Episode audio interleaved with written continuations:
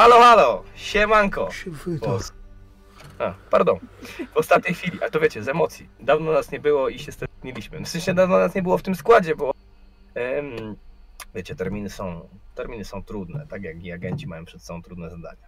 E, a propos agentów. Y, pozwolę sobie zachować kolejność taką jak ostatnio. Czyli jest z nami Kruk, Cześć. wcielający się w em, patologa Marka Millera. Jest z nami Gaba z Gerfreitaga, Cześć, cześć. czyli Heather Simmons, nasza profilerka. Jest Iwianna, Cześć, cześć. czyli Connie Hamilton, nasz technik kryminalistyczny. Em, I jest szwagier, Siemano. czyli em, dowódca całego oddziału, e, złoty chłopak Angelo Lupara.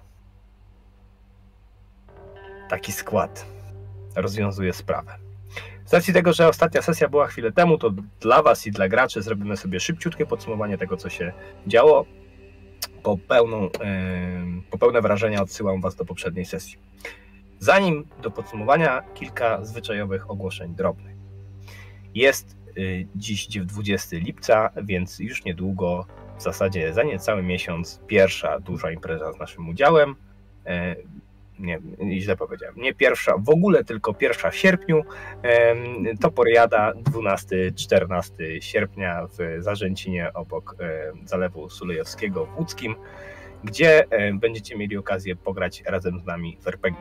Duże ilości RPGów. Będziemy też prowadzili jakieś tam punkty programu, ale generalnie można się z nami spotkać, zbić pionę i wspólnie pograć przez kilka dni bardzo mocno RPGowego konwentu. A tydzień później nie konwent, a biwak RPG i Magikon, na który też Was serdecznie zapraszamy. To trochę inny rodzaj imprezy. Impreza bardziej nastawiona na integrację, na to, żeby się spotkać, gdzieś tam wspólnie pograć i pośmiać się i pogadać. Z mniejszą ilością punktów programu, bardziej powiedzmy jakichś tam atrakcji y, grupowych, rozrywek, które sobie będziemy sami zapewniać, y, z dużym nastawieniem na to, żeby się spotkać i dobrze spędzić weekend. 19-21 w Buchowie koło Rawy Mazowieckiej. Ostatnia kwestia to kwestia em, Patronite'a i ewentualnego wsparcia. Jeśli byście chcieli nas wesprzeć, to wpiszcie sobie wykrzyknik wsparcie albo sprawdźcie link w opisie, jeśli oglądacie to na YouTubie, a tam będziecie mieli wszelkie niezbędne linki do tego, żeby sprawdzić, co my jako twórcy możemy Wam zaoferować za Wasze wsparcie, albo jakiego rodzaju gadżety możecie nabyć z grafikami e, z naszych serii na e, naszym sklepiku z merchem. Jeszcze Animatsuri. Animatsuri w najbliższą sobotę, na którym będziemy ja, Szwagier i Ajnak. Każdy z nas poprowadzi jedną sesję. A, jednak dwie, E, kolego. O, pardon, nie chciałem solenizantowi, jubilatowi, nie mam zielonego pojęcia y, jak to idzie, e, y, odebrać jednej sesji, będą Łajnaka dwie. W sumie cztery, także dużo będzie się działo na Animatsuri, czyli Ajnak jest dwa dni, A jednak prowadzi dwie w sobotę. a dwie soboty. No to wszyscy jesteśmy w sobotę do złapania na Animatsuri w Warszawie. Chyba wszystko. Zatem. Czwórka agentów z Wydziału Behawioralnego Biura, Federalnego Biura Śledczego, którzy dotarli do miasta Luray, którego masz strasznie się śmieją, jak je wy... Tak już zostanie. Luray w stanie Virginia, hrabstwo Page. I dosyć dziwna sprawa. Ściągnięci z Waszyngtonu, wyspecjalizowani, najlepsi w swoim wydaniu e, i w swoich dziedzinach agenci, którzy zajmują się podwójnym morderstwem. Brutalnym i nacechowanym e, generalnie dosyć specyficznym zachowaniem po stronie sprawcy, ale mimo wszystko nie do końca spełniającym warunki morderstwa seryjnego. Lokalna policja, ze względu na panujący w całym hrabstwie strajk, nie ma ani struktur, ani specjalnie chęci, żeby zajmować się śmiercią Zatem przylepia pierwszemu em, dogodnemu sprawcy, takiemu, któremu zdarzyło się w przeszłości już popełniać różne wykroczenia oraz przestępstwa, mm, serię zabójstw. Dlaczego? Dlatego, że Paul Torino, którego oskarżają o e, zamordowanie tych kobiet, w 2004 roku zabił niejaką Betty Lawrence. A w zasadzie usiłował ją zabić. E, biedaczka się ostatecznie utopiła ze względu na odniesione rany, próbując uciekać. Paul został skazany, przyznał się do winy, odsiedział 7 lat w więzieniu. wyszedł w 11. Wycina się znowu. Wyszedł w 2011, podobno się zmienił. Cóż, możliwe. Nie zmieniło się podejście lokalnej policji, która jak em, zostały znalezione ciała, najpierw Anny Cotton, a potem e, Klary Alister, jedna w lutym, druga w kwietniu, natychmiast posądziła Pola o że to on jest sprawcą tych morderstw. Policzyli sobie łatwo, że razem z Betty Lawrence to już trzy, mając obcięte e, struktury ze względu na strajk, stwierdzili, że wyręczą się biurem śledczym i ściągnęli naszą czwórkę. Agenci zagłębili się w przepastne uliczki Luray, czyli całą jedną główną ulicę i kilka drobnych, obdrapanych e, uliczek obok. Odwiedzili lokalny motel, który jest kompletnym kurwidołkiem, gdzie Lupara próbował wyciągnąć z miejscowej prostytutki trochę informacji. Wyszło to. Mówmy się, że mistrzostw, mistrzostwa i Oscar Lupara nie dostanie, ale czego się dowiedział od e, niejakiej Angie, to jego. W międzyczasie mm, zdążyli zbadać raporty zostawione przez lokalną policję, odkryć, że em, ofiary nosiły dosyć charakterystyczne rany, świadczące o tym, że albo sprawca mógł być mm, mógł być mężczyzną, który z jakiegoś powodu nienawidzi kobiet, próbuje się na nie mścić, albo kobietą, która nienawidzi profesji, prostytutki i próbuje jakby gdzieś tam zdehumanizować ofiary, bo ofiary nosiły ślady uprawiania stosunku seksualnego tuż przed śmiercią, ale mogło to być również em, wykonane przy pomocy jakiegoś narzędzia, tak zwanego proxy. Tu do końca jeszcze nie wiadomo. Oprócz tego pojawiło się jak zwykle problemów, bo cała scena w ogóle zaczęła nam się od tego, że zostało ściągniętych nowych agentów ze względu na problemy w poprzednich śledztwach. E, Poprzedni patolog wziął nagły urlop zdrowotny, a e, specjalista od technologii, em, no cóż, no dostał tymczasowe przeniesienie. Eufemistycznie rzecz ujmując w obu przypadkach. Ściągnięto zatem profilerkę Simmons i patologa Millera. Oboje dostali wytyczne od szefa, że trzeba bardzo się pilnować w tej sprawie. Zresztą taką samą zjebę, choć może trochę ostrzejszą, dostał Lupara, któremu została ta sprawa przystawiona jako ostatnia szansa, zanim nie poleci z tego stołka z hukiem. Nawet koni się oberwało i perfekcyjna ta wzięta w kleszcze Wydziału Wewnętrznego. Wszyscy więc mają sporą motywację do tego, żeby, no cóż, jak najlepiej e, rozwiązać te sprawy. I po zbadaniu tych wszystkich protokołów typują sobie kilka potencjalnych tropów. Podejrzewają szeryfa, który utrzymuje kontakty z lokalnym Alfonsem, podejrzewają rzeczonego Alfonsa. Na razie nie ma żadnego motywu, ale z oboma kobietami mógł mieć kontakty e, i mm, być może stoi za tymi morderstwami. No jest jeszcze Paul Torino, co prawda i co raczej e, mało, prawdopodobno, e, mało prawdopodobny sprawca, ale wciąż widnieje on e, na tapecie tego śledztwa oraz osoba, która znalazła ostatnie ciało, Claire Alister Bernard Perry, pracownickiego muzeum. To muzeum zostało odwiedzone przez agentów w końcowych stronach, gdyż tam niedaleko znajduje się miejsce zbrodni.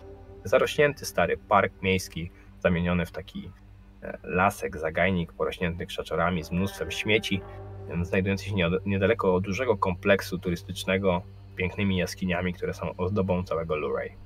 Tam zostały znalezione dwie ostatnie ofiary. Tam był widziany samochód, dość charakterystyczny, stary, brudny e, Ford, którym porusza się prawdopodobny sprawca. Trudno powiedzieć, może klient obu e, prostytutek. No i cóż, tam dotarli i tam ich za chwilę spotkamy. Tylko wiecie, w trakcie całej tej sprawy niektórym puszczały nerwy. Heather miała swoje epizody, kiedy przywidywały jej się różne rzeczy. Connie e, ciężko przeżyła spotkanie z Wydziałem Wewnętrznym i przyparcie jej do ściany, B wymuszenia zeznań przeciwko kolegom. Lupara i jego przygoda w e, motelu, gdzie prawie nie, do, nie został oklepany przez miejscowego ochroniarza. A w końcu Miller, którego na samym końcu szlak trafił, patrząc na to, co tutaj się wyprawia. I takich spotkamy. W lasku, niedaleko jaskiń, Blu-ray, czwórka agentów próbuje rozwikłać sprawę morderstw. Dwóch prostytutek się specjalnie nie interesuje.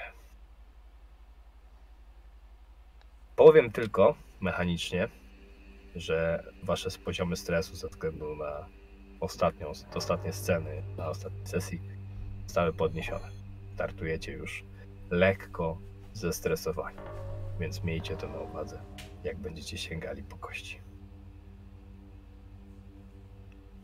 Przestań, my się nie boimy.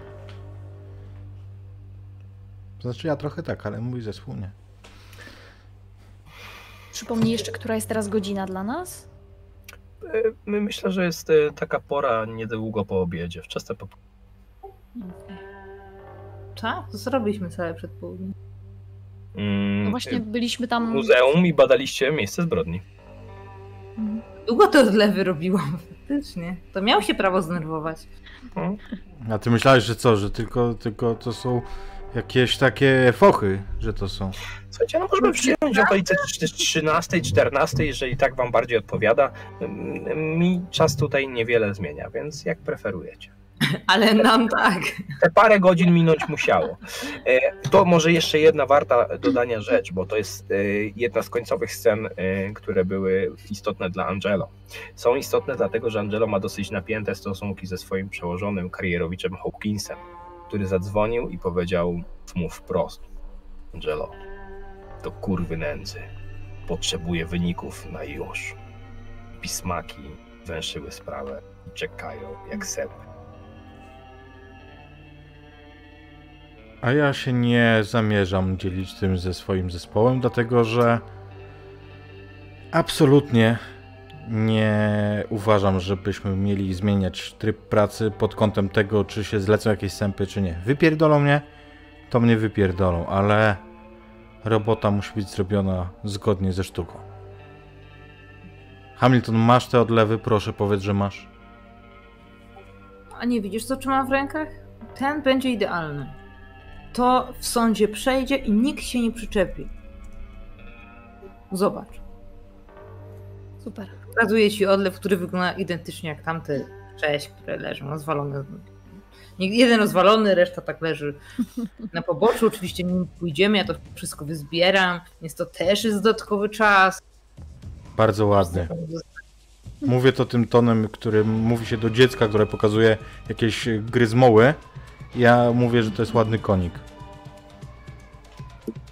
Bardzo. Możemy już jechać? Dobra, zbierajmy się stąd, bo naprawdę. Musimy sprawdzić te jaskinie. Tak. Cóż, no do jaskiń to nie ma co jechać, bo one rzut beretem wystarczy przejść przez dziurę w płocie i jesteście na terenie No, kompleksu. zgadza się, ale z tych krzaków to ich nie obejrzymy, więc trzeba tam iść. Tylko te wszystkie rzeczy, odlewy i tak dalej, za- zabezpieczmy to w samochodzie. Mhm. Chyba, że chcesz to taszczyć ze sobą. Bardzo słusznie. Jak widzę dzisiejsze ruchy, to mogłyby się stłuc. Trzeba by odlewać znowu. I Millera by prawdopodobnie trafiła kurwica. Miller dalej Ale stoi jeszcze tutaj 10 metrów pięć- dalej ze słuchawkami, pali papierosa i na razie nie dostrzegł, że coś się dzieje, że już do końca zbliża się odlewy. Pięć odlewów, którymi może rzucać. Pięć. W razie jakby się wkurwił. Dobra, pakuj to i chodźmy. Zapakowane i idziemy. Masz jakąś latarkę w samochodzie? Na wszelki wypadek? Klikam taką e, tą długą latarką, jaką mają nowojorscy policjanci, tą taką teslowską. którą można się równie dobrze oświetlić, jak obronić. Mm. Dobry pies zawsze ma latarkę. I gumy do rzucia. Gumę do życia też wyciągasz? Nie. Musisz mi wierzyć na słowo. Eee, dobra, no ja mam latarkę w telefonie, ale to zobaczymy, co, co się przyda. Czy my coś wiemy oprócz tego, że to było gdzieś tutaj i jaskinie mogą nie mieć żadnego związku z całą tą sprawą? No, mm, jakby ofiar, ofiar z jaskiniami nic bezpośrednio nie łączy, przynajmniej nic, nic takiego nie wynika z raportu.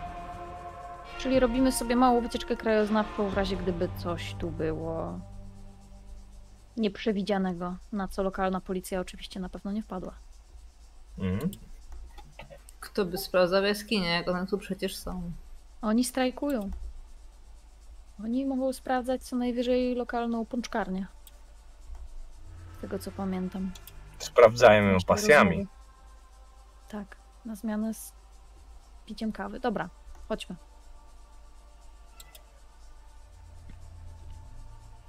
Ruszam pierwsza, chyba że ktoś się wyrywa. Na przykład lupara z latarką. Absolutnie się nie wyrywam. Powoli. Latara.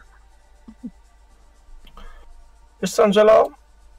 Nawet gdybyś chciał się wyrywać, to bardzo szybko zorientujecie się, że totalnie nie ma takiej potrzeby. Z bardzo prostego powodu. Otóż te jaskinie są oświetlone. Przynajmniej do momentu, do którego nie wydaje wam się sensowne, żeby się tam ładować, to ten kompleks w momencie, kiedy się zaczyna, on jest absolutnie spektakularny. To jest coś niesamowitego. Trudno jest to opisać słowami, jak się tego nie zobaczy. Wyobraźcie sobie, że kiedy dochodzicie do tego kompleksu i przechodzicie przez wąskie gardło pierwszej takiej, wiecie, takiego korytarza, który prowadzi do jaskini, no to ludzie mogą mieć różne wyobrażenia o jaskiniach, tak? Ciemno, wilgotno, jakieś stalagmity, stalaktyty, nikt, nikt nie wie, czy to z góry, czy to z dołu, o co chodzi. Zwykle cuchnie szczynami, bo w pierwszym przeciągu zawsze ktoś przyjdzie i zrobi jakąś imprezę, albo śpi tam jakiś bezdomny, czy różnego rodzaju inne tego typu skojarzenia, jakieś strzykawki, pety. Tutaj nie. To jest część kompleksu, który gdyby go trochę do, lepiej wypromować, turystycznie mógłby się stać kompletną, em, kompletnym ewenementem w skali kraju. Tak nie jest, co nie zmienia faktu, że przynajmniej ta część, do której wpuszcza się turystów, wciąż jest w miarę zadbana. Przechodzicie takim wąskim korytarzem, gdzie jest zrobione wzmocnienie z metalowej kratnicy i nagle przed wami otwiera się duża pierwsza jaskinia. Strop zaczyna się podnosić o ładnych kilka stóp i to jest niesamowity widok. Tafla wody, nieduża taka kałuża, przezroczystej, krystalicznie czystej wody, która mimo wszystko sprawia, że odbija się od niej to, co jest na suficie, tworząc takie złudzenie, jakby te wszystkie stalaktyty i stalagmity przenikały się nawzajem i rozchodziły się w najdziwniejszych e, kątach i konfiguracjach a z drugiej strony przestrzeń kilkudziesięciu metrów, e, a może i nawet więcej, dłużej takiej otwartej pieczary, gdzie e, strop robi kilka takich z, z, jakby podwyższeń lub zniżeń, porośnięty cały tymi skapującymi z góry stalaktytami. E, n- Jakby absolutnie niesamowity widok, gdzie jakby światło tych lamp dodaje trochę takiej gry, wiecie, mrygających, odbijających się od wody i od e, wilgotnych skał świateł, dając absolutnie bajkowe, idylliczne wrażenie. Niesamowite, bo jakby z zewnątrz to tak nie wygląda. No jest jakiegoś rodzaju wzgórze, gdzie się zagłębiamy. Nie, w ogóle się nie spodziewaliście tego, co czeka po drugiej stronie. Jak duży jest ten kompleks. Zresztą no, jakby wchodzicie tam z kimś z obsługi, to wam e, zaczyna takim nudnym, wykładowym głosem opowiadać. Niezależnie od tego, czy podaliście się za agentów, czy nie, ale zakładam, że żeby sobie przyspieszyć sprawę Lupara, to nie pokazałeś blachę, nie? Żeby przyspieszyć tę sprawę, to ja się nikogo nie pytałem. A dopiero jak y, próbowali nas cofnąć, to pokazałem blachę. Wiesz co, to nawet nie o to chodzi. Nie wejdziesz tam bez, bez towarzystwa. Przynajmniej nie jako grupa. I nie tym wejściem. To znaczy co, do, są drzwi do jaskini, czy... Tak. O, Mówię, to jest turystyczny kompleks. Wchodząc mówię, zaraz się okaże, że to jest jaskinia hazardu, a my nie doczytaliśmy. Są barierki na tej pierwszej części ułatwiające przejście i tak dalej. No jakby generalnie, ym, wiesz, to jest taki moment. Jest ta kratownica, no, trochę wilgotno, trochę cuchnie taką stęchlizną i nagle po prostu rozpościera się absolutnie bajkowy widok. Zapiera wdech w piersiach. I facet mówi: No tak, no tak, tak to właśnie jest. I widzą Państwo. I to się tak ciągnie setkami metrów. Za tą salą jest jeszcze większa sala, a za nią jest następna. Tą Wspaniale. nazywamy małą, tamtą nazywamy wielką. Możemy przejść oczywiście do tej wielkiej. Nie ma najmniejszego. Bardzo doskonale. Proszę odnotować, agentko Hamilton. Wielka i mała sala. Zachylam się do ciebie. i- Naprawdę? Tracimy tutaj czas. Chodź. Wyjmuję latareczkę i szybciutko mówię, ja się szybko rozejrzę. I odłączam. Przepraszam bardzo, ale proszę nie schodzić z kratownicy. Tutaj jest niebezpiecznie, łatwo się zgubić. Pieczara jest naprawdę rozległa. Jeb dostaje przed oczy, wiesz, e, odznakę i tyle. Znaczy myślę, że on już dostał tą oznaką po, po, po, po paszczy, nie? Dostał drugi raz, żeby się upewnić. Przy, Ja dawka tymczasem- przypominająca to była. Ja tymczasem, jak ty mu świecisz tą blachą i schodzisz, em, patrzę na gościa i mówię, przepraszam, bo tak się zastanawiam. Państwo macie tutaj taki piękny obiekt turystyczny. Czy są tutaj kamery na zewnątrz budynku? Na zewnątrz tego obiektu? Eee, Może Mm, chociaż skierowane w stronę pani wejścia? co? Nie, przy budynkach, tam e, przy kompleksie budynków są kamery, tak. Tutaj nie ma. I czy w razie czego moglibyśmy zobaczyć monitoring, gdybym panu podała daty?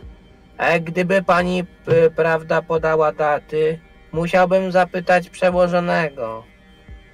Gdyby Dobra, pani nie podała dat, to zasadniczo też bym musiał zapytać, więc to niewiele zmienia. Zaraz Oczywiście. Ja myślę, że na pewno, na pewno się dogadamy. y, Przełożony. Myślę, że nie miałby nic przeciwko temu, przecież. E, obawiam się, że może być z tym problem.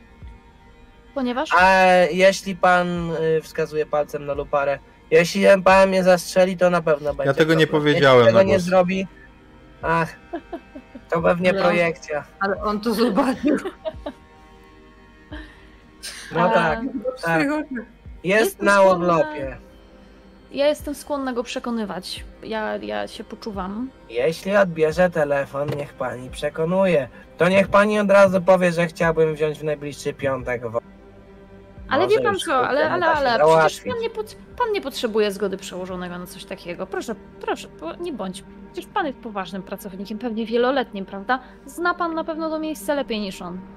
Zasadniczo to niewiele tutaj znam, ale skoro pani tak mówi, No wie pan. ej, tędy poproszę. Chodźmy. Tutaj widzą Państwo duży stalagmit. A, przepraszam, to ten na dole. Stalaktyt na górze nazywamy mniejszym. Tamten nazywamy mniejszym, drugim, a tamten to wrona. Historia jest taka, że kiedyś do środka wleciała wrona i usiadła. Zdaje się, że właśnie na tym, który jest tak na. Ale powiem Państwu szczerze, że za mało mi płacą, żebym się tego wszystkiego uczył. Dobrze, że wam się tutaj kruk nie dostał. Widzi pan, byłoby to całkiem zabawne, gdyby kruki żyły w tych stronach. Ale zdaje się, że tak nie jest. Ciekawostek, głębokość jaskini dochodzi do 130 metrów. Gdyby Państwo chcieli sobie wyobrazić, ile to jest 130 metrów, to jest to więcej niż wieża Eiffla. Gdyby chcieli Państwo sobie wyobrazić, ile ma wieża Eiffla, to muszą Państwo pojechać do Paryża. Jaskinie w Lurej nie refinansują tej wyprawy. Bardzo mi przykro. Tutaj niezwykle ciekawe, co pan mówi, niezwykle. I on w tym stylu, nie? Jakby no. męczącym głosem, bardzo monotonnym, opowiada. No widać, że jeśli chodzi o turystyczną stronę jest niedoinwestowana, nie? Mogłoby być lepiej. Może troszkę zabrakło kompetencji, ale są chęci. To, to najważniejsze. Natomiast ja nie chcę tego słuchać, bo umrę i spadnie mi poczytalność, więc ja, e, ja chciałbym szukać. I słucham. Ja chciałbym się rozejrzeć. To, jest, to miejsce jest za blisko wszystkich tych wydarzeń, żeby nic tu nie było. Powiem jeszcze raz. Kompleks jest zajebiście duży. Hmm? Hale w tych hmm? jaskiniach dochodzą do 4 metrów wysokości. Hmm? Podziemne, skaliste hale w jaskiniach. Nie wiem, czy mieliście kiedyś okazję być w jaskiniach, ale 4 metry jaskinia to jest naprawdę bydle. 130 metrów głębokości yy, to nie jest kwestia długości korytarza, tylko głębokości pod ziemią, do której sięgają te korytarze. To jest naprawdę bardzo duży kompleks. Rozejrzeć się tutaj lupara, to by mogła grupa kilkudziesięciu osób, spędzając tydzień. Natomiast rozumiem, że ty chcesz po prostu pozwiedzać te części, do której dostęp mają turyści i rozejrzeć się, czy coś tutaj nie leży na przykład, tak? No to jest w tak. zasadzie, no ja nie chcę słuchać tego człowieka, mamy od tego header, która ma, która ma jakieś szkolenia na utrzymanie kamiennej twarzy przy takich ludziach i nie wyciąganie broni. W związku z czym ja chcę zająć się czymkolwiek innym, a tym co ja umiem jest poszukiwanie czegokolwiek. Możecie rzucić obaj, jeśli chcecie. Zwiększa się to jakby oczywiście na ryzyko na jakąś komplikację, albo może rzucić jeden z was, a drugi mu pomagać.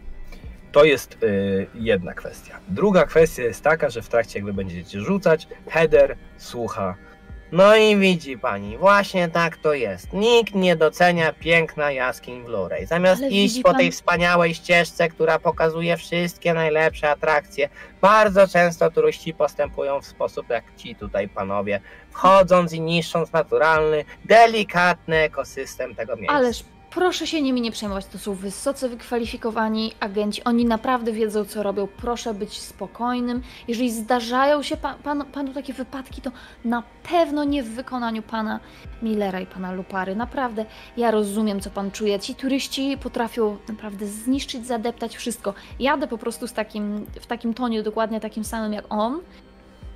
I jak mu się skończy para w płucach, to ściągam jego uwagę z powrotem na te kamery i mówię: To, to jak, jak z tymi kamerami będzie? Pójdziemy na koniec wycieczki, ja dopilnuję, żeby panowie e, skończyli tutaj oględziny, żeby wszystko było w porządku.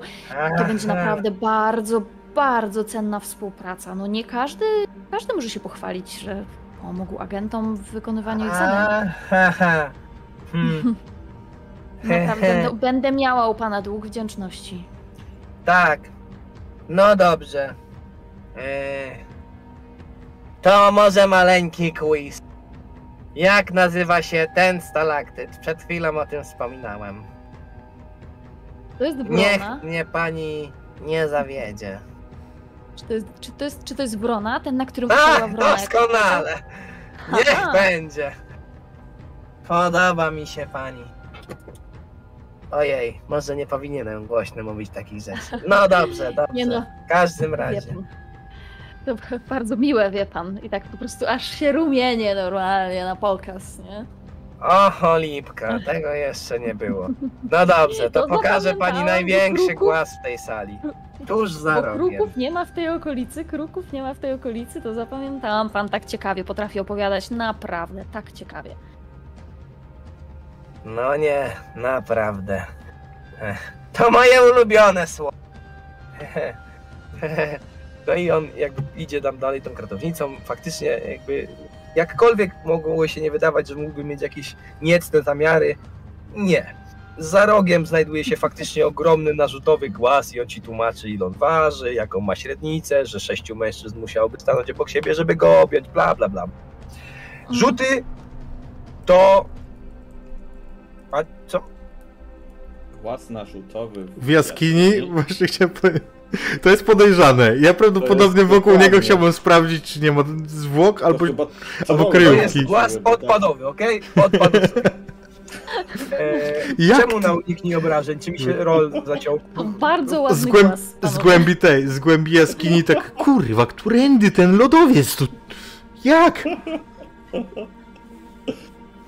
Nie. Eee, I zawsze mnie złapią na czymś, no. Tak to już jest, jak się ma inteligentnych graczy. Musiał profesurę z geografii zrobić. Aż go zaczęło Eee. wycinać z, z wrażenia. Rzucił ktoś czy nie? Bo nie Jeszcze widzę, to Ale co mam rzucić? mi się. No, chyba badaj. Umiem zbadaj. Albo percepcja, analizuj. Nie, chyba zbadaj raczej. Hmm. Raczej zbadaj. Ciu, sukces. O panie. Osiemnastka, pięknie. Analizuj sytuację też mogło być. Też mogło być. Osiemnastka, czyli sukces. Angelo.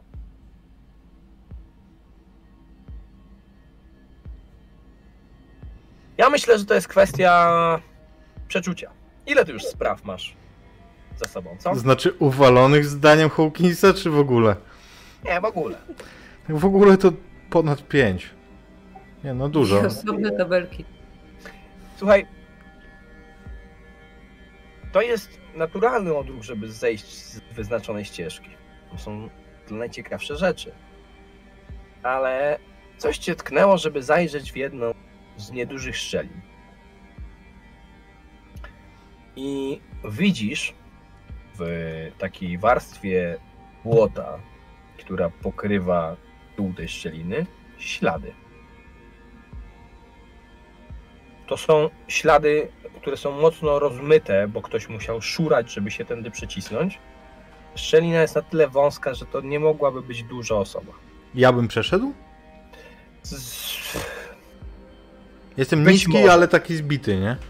Być może, ale wydaje ci się, że jeśli byś się zmieścił, to zdecydowanie nie należałoby to do przyjemnych. Koni?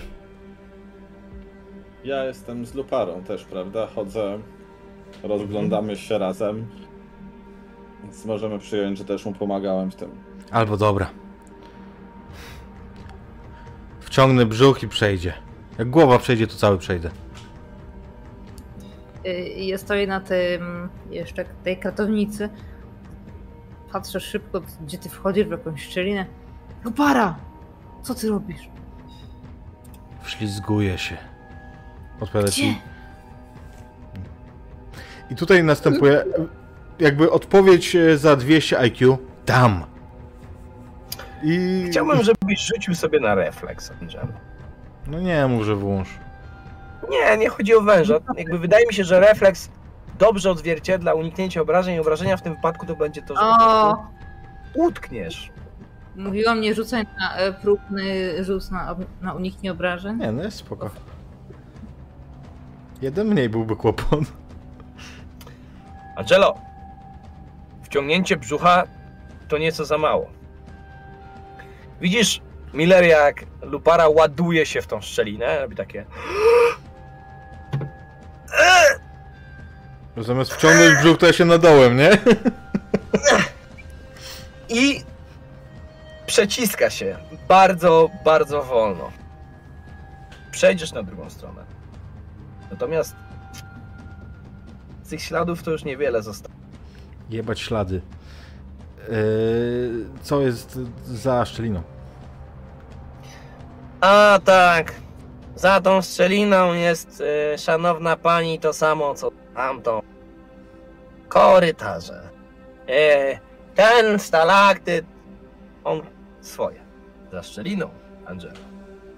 Za szczeliną dostrzegasz kolejny, kolejną taką, wiesz, jakby pomieszczenie, pieczarę, trochę mniejsze, mniejsze, mniejszej objętości niż ta, z której wchodzicie. Tam, ta, w której wchodzicie jest naprawdę ogromna. Natomiast e, tutaj jest wyślizgany taki e, kamień, tak jakby woda spływała, więc bardzo, bardzo ślisko. I, I nieduże, takie nisko sklepione pomieszczenie, gdzie faktycznie trzeba lekko przygiąć karku, żeby się zmieścić. E, I dalej gdzieś ta szczelina znika w dół. Czyli jest tak, że wiesz, jakby idzie w miarę równo i nagle jest spadek, ale tam się sufit jakby już nie obniża, więc ta szczelina z takiej się robi. Mhm. No chcę Tam pomyszkować, po, należąco trzeba byłoby się wcio- wczołgać. chcę pomyszkować, pozaglądać, jak nie muszę gdzieś włazić, to nie włażę, żeby zobaczyć co tam jest, ale generalnie chcę, chcę, chcę sprawdzić. Jakby, jeżeli ktoś tu las, to las to po coś. Poproszę cię o jeszcze jeden rzut, tym razem na analizuj sytuację. Percepcję. Czyjaś kryjówka. Okej. Mogę spalić yy, impet? Nie mogę. O Jezu. Ja nie wiem po co ktoś tu wszedł. Na pewno bez sensu to było.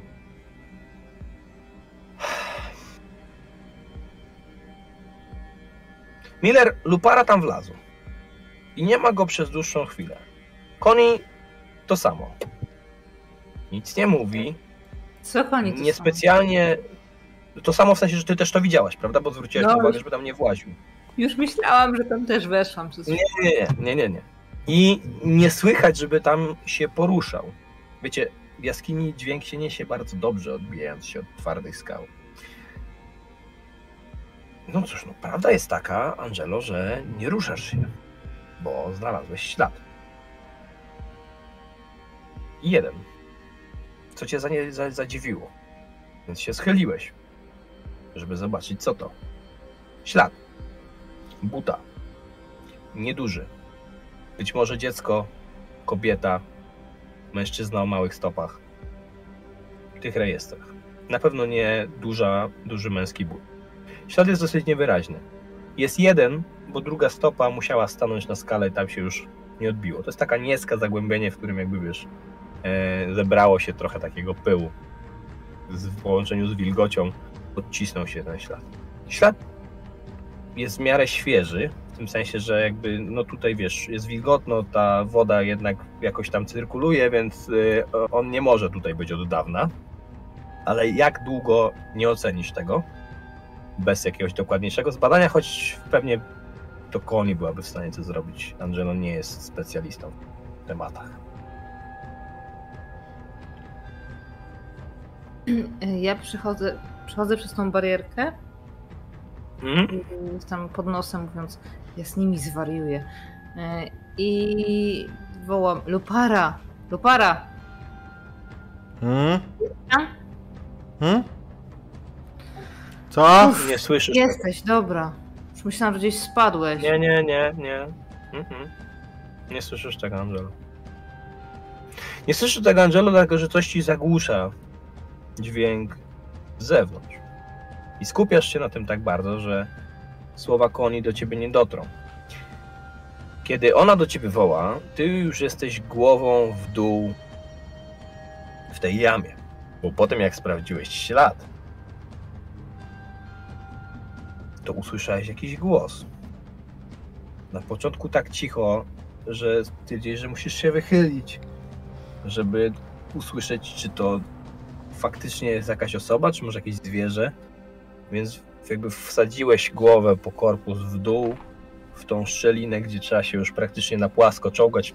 Padek jest pod kątem 400 stopni, bardzo niewygodna pozycja. I słyszysz jakiś głos. Dość wysoki.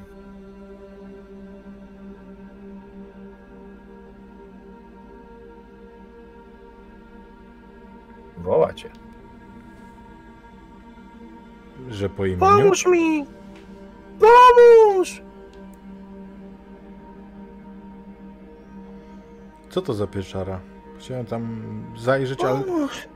Utknąłem! Noga mnie boli! A, Hej!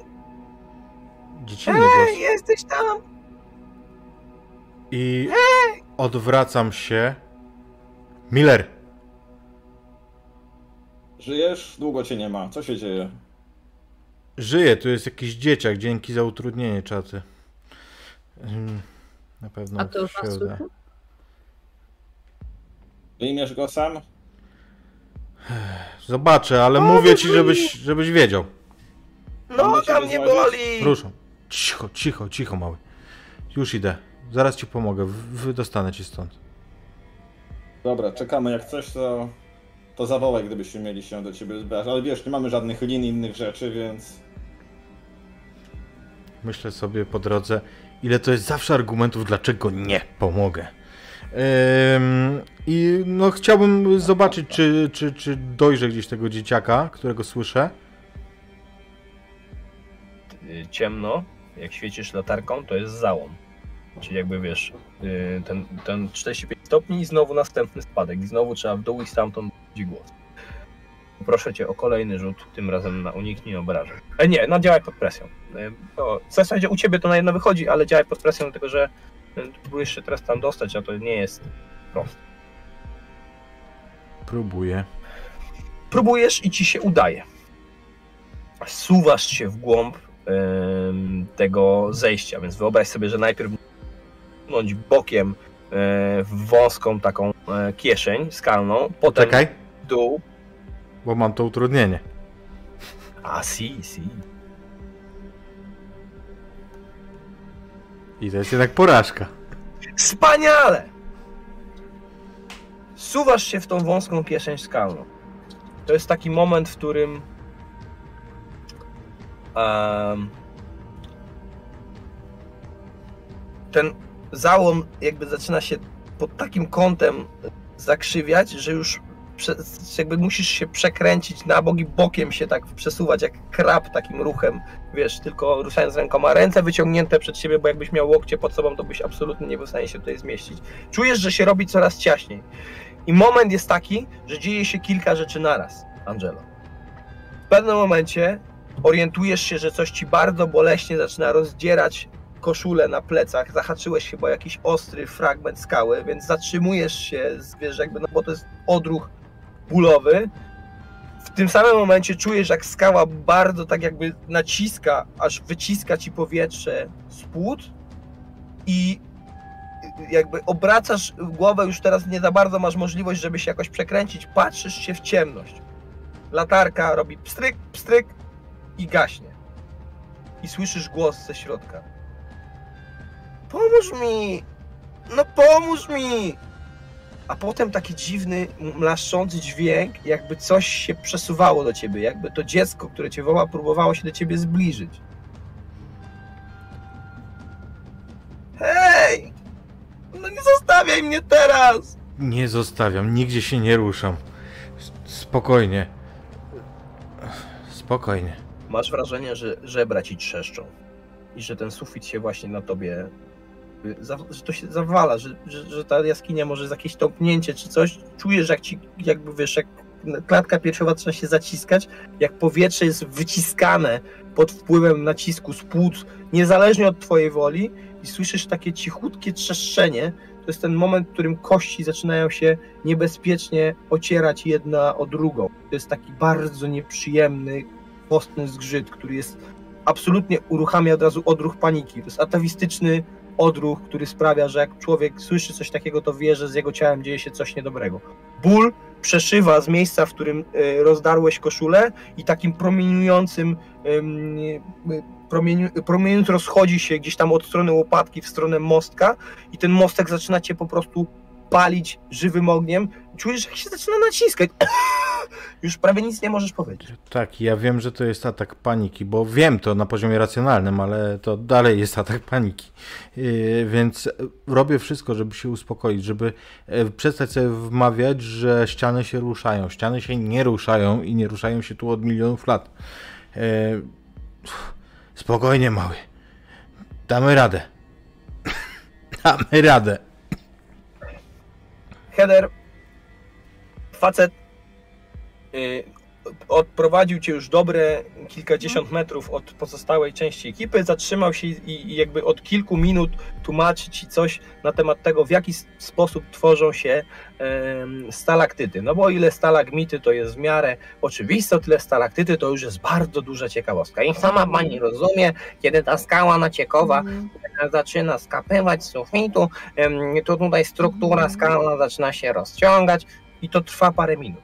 Przez te parę minut Miller i, i Hamilton Lupara zamilkł. Milton, Zniknęły dźwięki. Przestał, przestał być słychać jak szurał, a wcześniej było słychać, że szurał. Ja się, Przestał się odzywać i przestał odpowiadać. ja się Więc tylko upewnię. Ja rozumiem, że nie, nie słyszę, nic nie wiem. Yy, znaczy wiesz co? Co miałabyś słyszeć? Oni się Mhm. zatrzymali kilkadziesiąt metrów za I nic, nikt, nikt nie krzyczy halo pomocy. No ja- Bo ten, para- to jakby wiesz, ten chodnik jest taki oświetlony, że może nie tyle widzisz ich, co widzisz światła ich latarek. Oni stoją w miejscu gdzieś tam Ale zeszliśmy No z tej ścieżki, nie? Bo tam bo to było poza... kilkadziesiąt, 20, 30, niedużo, tak? Na to liczyłam, to- że zejdziecie, więc... Możesz usłyszeć, że ja właśnie po raz kolejny krzyczę. Bo my para. stoimy razem, tak? Hamilton? Tak, tak. No. Tam Słuchaj, poświe- świecę nie tam. jesteśmy, tak. nie jesteśmy grotołazami, ale jego za długo nie ma, tak? Nie ma go już jakieś 10 minut. ja nie będę rwał se ciuchów. Popilnuj mi na chwilę marynarę. Ale poczekaj, jestem mniejsza. Przejdę tam, zobaczę co z nim. Pójdę, rozejrzę się. Zostań. Zostań. Jeżeli ja nie wrócę za jakiś czas, to broń Boże już tam sama nie właź, tylko pójść po kogoś na pomoc, bo jak się ostatnia osoba tam spierdoli, to dopiero będzie grubo. No. Czy ty Na szczęście głosu nie jestem ani gruby, ani jakiś przypakowany, więc e, sądzę, że na jakichś wielkich problemów, a na pewno nie większych niż Lupara mieć nie będę.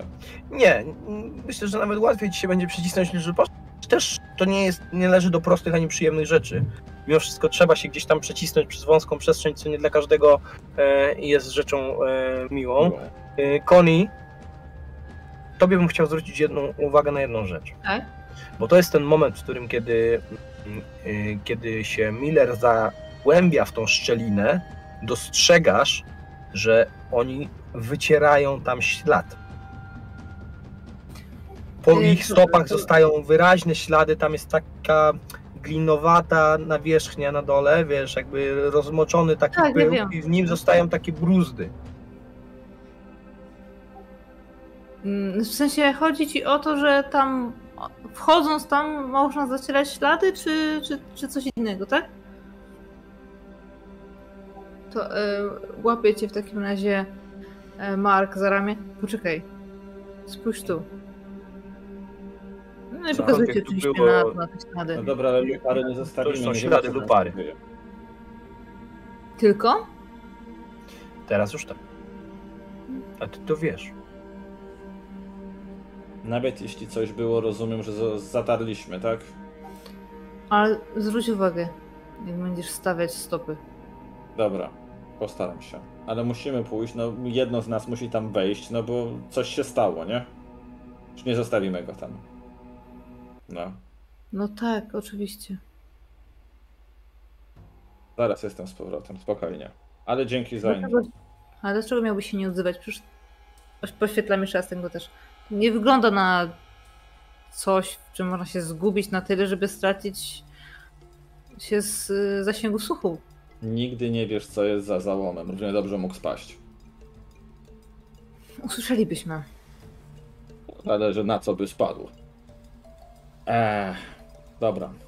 Idę, tylko staram się przede wszystkim zachować właśnie, wiesz, y, ostrożność, tak? Ślady śladami, ale żeby samemu też właśnie, bo też biorę pod uwagę to, że może być tam rzeczywiście jakieś miejsce, gdzie ktoś się poślizgnie, wiesz, wleci i, i, i nie chce Wysuwasz w się. filmie na niego spaść. Wysuwasz się z tej szczeliny, widzisz niedużą grotę i natychmiast y, rzuca ci się w oczy ten ślad. Jest bardzo wyraźnie odciśnięty. Y, na samym środku pomieszczenia. Mark, masz ułatwienie z czatu. zdrajcy. telefonem. I no i tak jak powiedziałem, nieduży odcisk. Trudno zidentyfikować, jaki to but, bo to wiesz, ledwo tak na skalę wyciśnięte, tylko bardziej widać po prostu wielkość. E, dziecko, może nastolatek, kobieta lub e, mężczyzna o to, niezbyt na- jakiejś dużej budowie. Ponieważ Hamilton na to zwracała mi uwagę, Mhm. więc zanim to zmarzemy na wszelki wypadek, takim wiesz, po prostu telefonem stryknę zdjęcie. Lepsze I teraz to niż poczekaj nic. Teraz poczekaj. Jak flash y, pstryknął, to y, ja na pewno zareaguję i zawołam. Hej, y, co, co tam robisz? Widzisz coś? Selfie. Angela, Tak.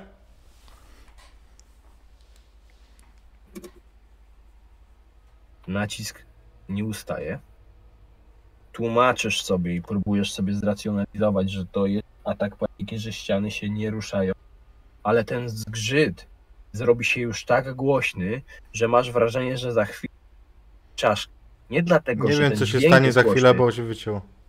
y, że za chwilę rozsadzi ci czaszkę. Nie dlatego, że ten dźwięk tak głośny, tylko dlatego, że ten dźwięk jakby dobywa po prostu z wnętrza twojego organizmu, rezonuje od każdej y, dużej przestrzeni między organami, gdzieś tam wiesz, czujesz jakby ci miażdżyło głowę i to jest rzecz, która nie pozwala ci się skupić, ale pozwala ci wykonać rzut. Na weź się w garść, czy będziesz w stanie faktycznie przemówić sobie sam do rozsądku. No, bym prosił.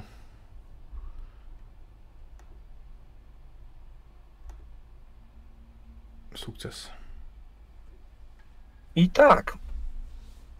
Ta, jakby powtarzanie sobie jak mantra, że skały się nie mają prawa ruszać, że nic cię nie zgniata, pomaga na tyle, że o ile ból jakoś specjalnie nie ustaje, to nie czujesz już takiej fali po prostu paniki, która jakby zalewa cię wbrew. I wtedy słyszysz, że to mlaszczenie, ten dziwaczny dźwięk ustało. I bardzo blisko ciebie, w ciemności, słyszysz ten głosik. Pomóż mi, już jestem tak blisko. Wyciągnij mnie stąd. Rozumiem, że latarka nie świeci. Cicho, mały, cicho. Spokojnie, zaraz stąd wyjdziemy. Pomoc już idzie. Ja już tu jestem bardzo długo. Wyciągnij mnie. Mam nadzieję, że jesteś w ogóle. Jestem głodny. Miller! Staram się nie krzyczeć i panować nad głosem, żeby, żeby nie dać do zrozumienia, że jestem roztrzęsiony. Jak bardzo jestem roztrzęsiony. Miller, słyszysz tylko takie ledwo dyszane. Miller! Już, już, już idę, spokojnie. I w tym momencie para latarka zaskakuje.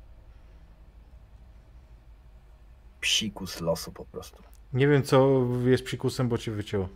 Latarka A, zaskakuje. Okej, bo kamera się rozjechała i później ruszałeś ustami i myślałem, że coś jeszcze tam się wydarzyło. Tam jeszcze dodałem brzydkie słowo. Zobaczysz, co tam A. stoi obok. I jakby ta latarka nagle robi takie pstryk, pstryk. pch. Tuż przy tobie, jakieś 40 cm od twojej głowy, jest łód. Płód. Dziecko wielkości od 45-50 cm, ob, jakby obśluzowane całe, okryte krwią, takim e, nalotem białawym, który wygląda jakby dopiero co się narodziło.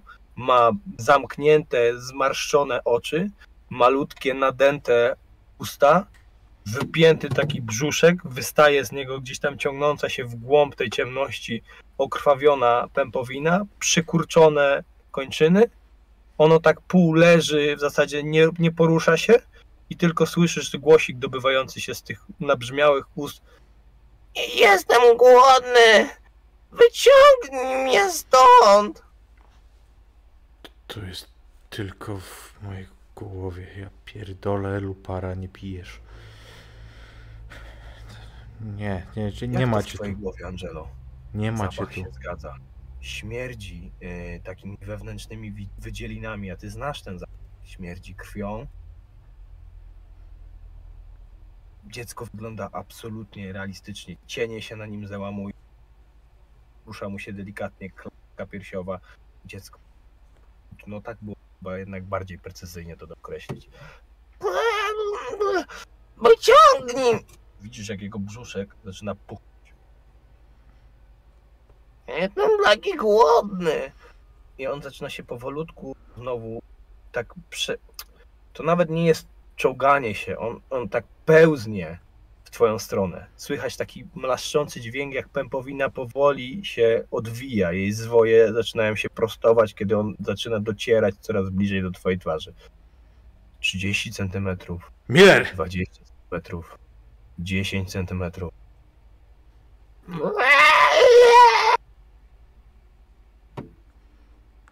Zaglądam wreszcie już do lupary. Zajrzałeś do szczeliny. Widzisz y, jakby nogami y, górę, głową w dół wystaje dupa lupary, który utknął jakby w dość takiej stromej e, zapadlinie, która jest ewidentnie za wąska do tego, żeby on był się w stanie tam zmieścić i widzisz jak nogi dorosłego faceta się po prostu telepią. Trzęsą się tak, jakby był, nie wiem, 140 km wiatr na godzinę. Nogawki mu chodzą e, jak flagi. O kurczę. Jestem w stanie go za te nogi złapać? Nie wpadając tam? Czy to jest Tak. za głęboko? Tak, jesteś. No to nie ryzykując, że sam na niego wlecę. Lupara, lupara, jestem. Halo. Para, widzisz jak ta Próbuję go. Próbuję paskudna go ściągnąć. pępowina dwija się od tego płodu i zaczyna się owijać wokół twojego uda, potem wokół Jak kolana. wokół... Czekaj, czekaj, do- czekaj, czekaj, czekaj, czekaj. Jak wokół kolana, jak... jak, Ty jak... się nie przywiązuj do opisu, który widzi Miller. A, Ty jesteś w strumieniu światła, który świeci w głąb dziury. Nie masz pojęcia, w jakiej jesteś orientacji, bo spadłeś do dziury w dół i nie przywiązuj się za mocno do tego, w jakiej orientacji Miller będzie cię wyciągał. Czujesz, jak pępowina, która słyszałeś, jak się z mlaskiem rozwija, owijać się wokół uda i nagle takim żelaznym uściskiem chwyta cię za kostki i zaczyna cię szarpać. Ale szarpie cię nie w stronę, z której spadłeś, tylko w głąb, tam skąd się rozwija. Ja chcę to złapać, bo ja wiem, że to się nie ma prawa dziać. Kaco! Nie ma prawa. I chcę złapać ten płód, bo to może być pieprzona poszlaka, a to wszystko to, to w mojej głowie, to kurwa łapie mnie za nogę! To krzyczę. Lupara to ja, Miller, spokój. Jestem taki głodny. I Tak, łapiesz, się ściągnąć. i to jest najbardziej obrzydliwa rzecz, jaką kiedykolwiek wziąłeś w ręce. Wyobraź sobie nieduże, y, takie galaretowate ciałko, które jest na tyle miękkie, że po, jakby mocny chwyt twój byłby w stanie połamać te kruche kosteczki. A z, jednej, a z drugiej strony pokryte właśnie takim śluzem, y, wydzielinami y, ciała, krwią, absolutnie obrzydliwe w dotyku, obślizgłe, cuchnące. I słyszysz, Miller, jak Lupara zamilkł, nogi przestały wierzgać, zaczynasz go wyciągać. Widzisz, że jego latarka znowu mruga i gaśnie, a ty słyszysz Angelo, znaczy nie słyszysz, tylko czujesz bardziej tak naprawdę. Chociaż słyszysz też.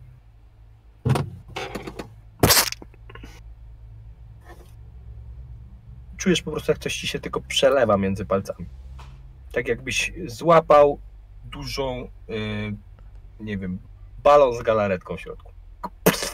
Rozgnił. Wrażenie jest takie, jakbyś bijał kotleta i mięso by ci przechodziło między palcami. Chcę trzymać jak najwięcej tego, żeby jak najwięcej zostało w ręku. Miller, wyciągnięcie lupary zajmuje ci jakieś 15 minut. Jest bardzo wąsko, bardzo niewygodnie. yy, I on w pewnym momencie zaczyna z tobą współpracować, powtarzając. Co powtarzasz, Angelo? Co stamtąd wyciągasz? Jesteś przekonany, że co to jest? Pieprzone dziecko. Teraz rozumiesz? Rozumiesz, Miller? Któraś z nich, bo to zemsta, to pieprzone dziecko. Rozumiesz to? Ja mam kontakt głosowy z Hamilton. Tak. No to jeszcze Mam w nadzieję, międzyczasie że- jej krzyknę, To jest że- kolejna że mam dziwna rzecz. Czy ty czekaj. doskonale słyszysz, Connie, wszystko, co robi Mark? Że on tam schodzi, że to Tam szuranie, robi- słychać to. Jak wyciąga go, to słychać. To jest niedaleko. Angela nie, Angela nie. nie słyszała. Więc uspokajam ją, żeby się nie zdziwiła, bo mówisz, że to zajmuje 15 minut, żeby Tak, właśnie, bo powoli. Mam Ja go, bym już poczekaj, Pomoc zdawała, nie nie? wiem co mu się stało. No, a z kolei Luparę na tyle, na ile można po męsku uspokajam, czyli wiesz, spoko, spoko, wszystko będzie dobrze, czekaj, zaraz damy radę, Jeszcze dzisiaj się zimnego piwka napijemy, bo ja oczywiście zapominam w tym wszystkim, że on nie pije. No i, i go wyciągam systematycznie i powoli, no. Heather, ciebie nie wykluczam z tej sceny, natomiast zakładam, że w pewnym momencie, jakby słysząc te okrzyki, jakie wymienia Mhm. e, Hamilton i Miller, dołączysz do Connie. Tak. No, ja to ja zakładałam do pewnego momentu, że to się dzieje wszystko zgodnie z planem, że oni tam czegoś szukają, że coś tam do siebie wrzeszczą. Ja tutaj rozpraszam tego naszego przewodnika, żeby nam nie wchodził w drogę. Ale jak oni już zaczynają się dziwnie zachowywać i coś tam mówić, Krzyczę, że że czy wszystko w trzeba tego porządku, wyciągnąć. Tak, że trzeba go wyciągnąć, to myślę, że Eee, no cóż, powiem do naszego uroczego przewodnika, że chyba musimy zobaczyć, co tam się dzieje. Chociaż A, e, bardziej tak, mnie interesują te kamery, ale, ale, ale chodźmy, zobaczmy. No to się czasami zdarza w naszym kompleksie. Czasami ktoś zaginie, już potem nie wróci. No cóż, Aha. można poradzić. Nie za dużo jest środków na poszukiwanie takich osób. Ale panią nabrałem. No Ach. przecież nie zostawiamy tutaj gości. Tych, Ach, którzy są no grzeczni. jeszcze poczucie humoru, no naprawdę. No i jakby faktycznie jakby Mhm. wracacie do, do Hamilton. E, Ja już, jesteś sobie, ja już po prostu sobie wyobrażam, co tam się dzieje, nie? I żeby ten przewodnik, żeby on tam tutaj na zawał nie zszedł albo nas nie wyrzucił. ten y, kilkuminutowy proces, y, który pozostaje wyciągania y, lupary, no to już będziecie jakby obie świadkami.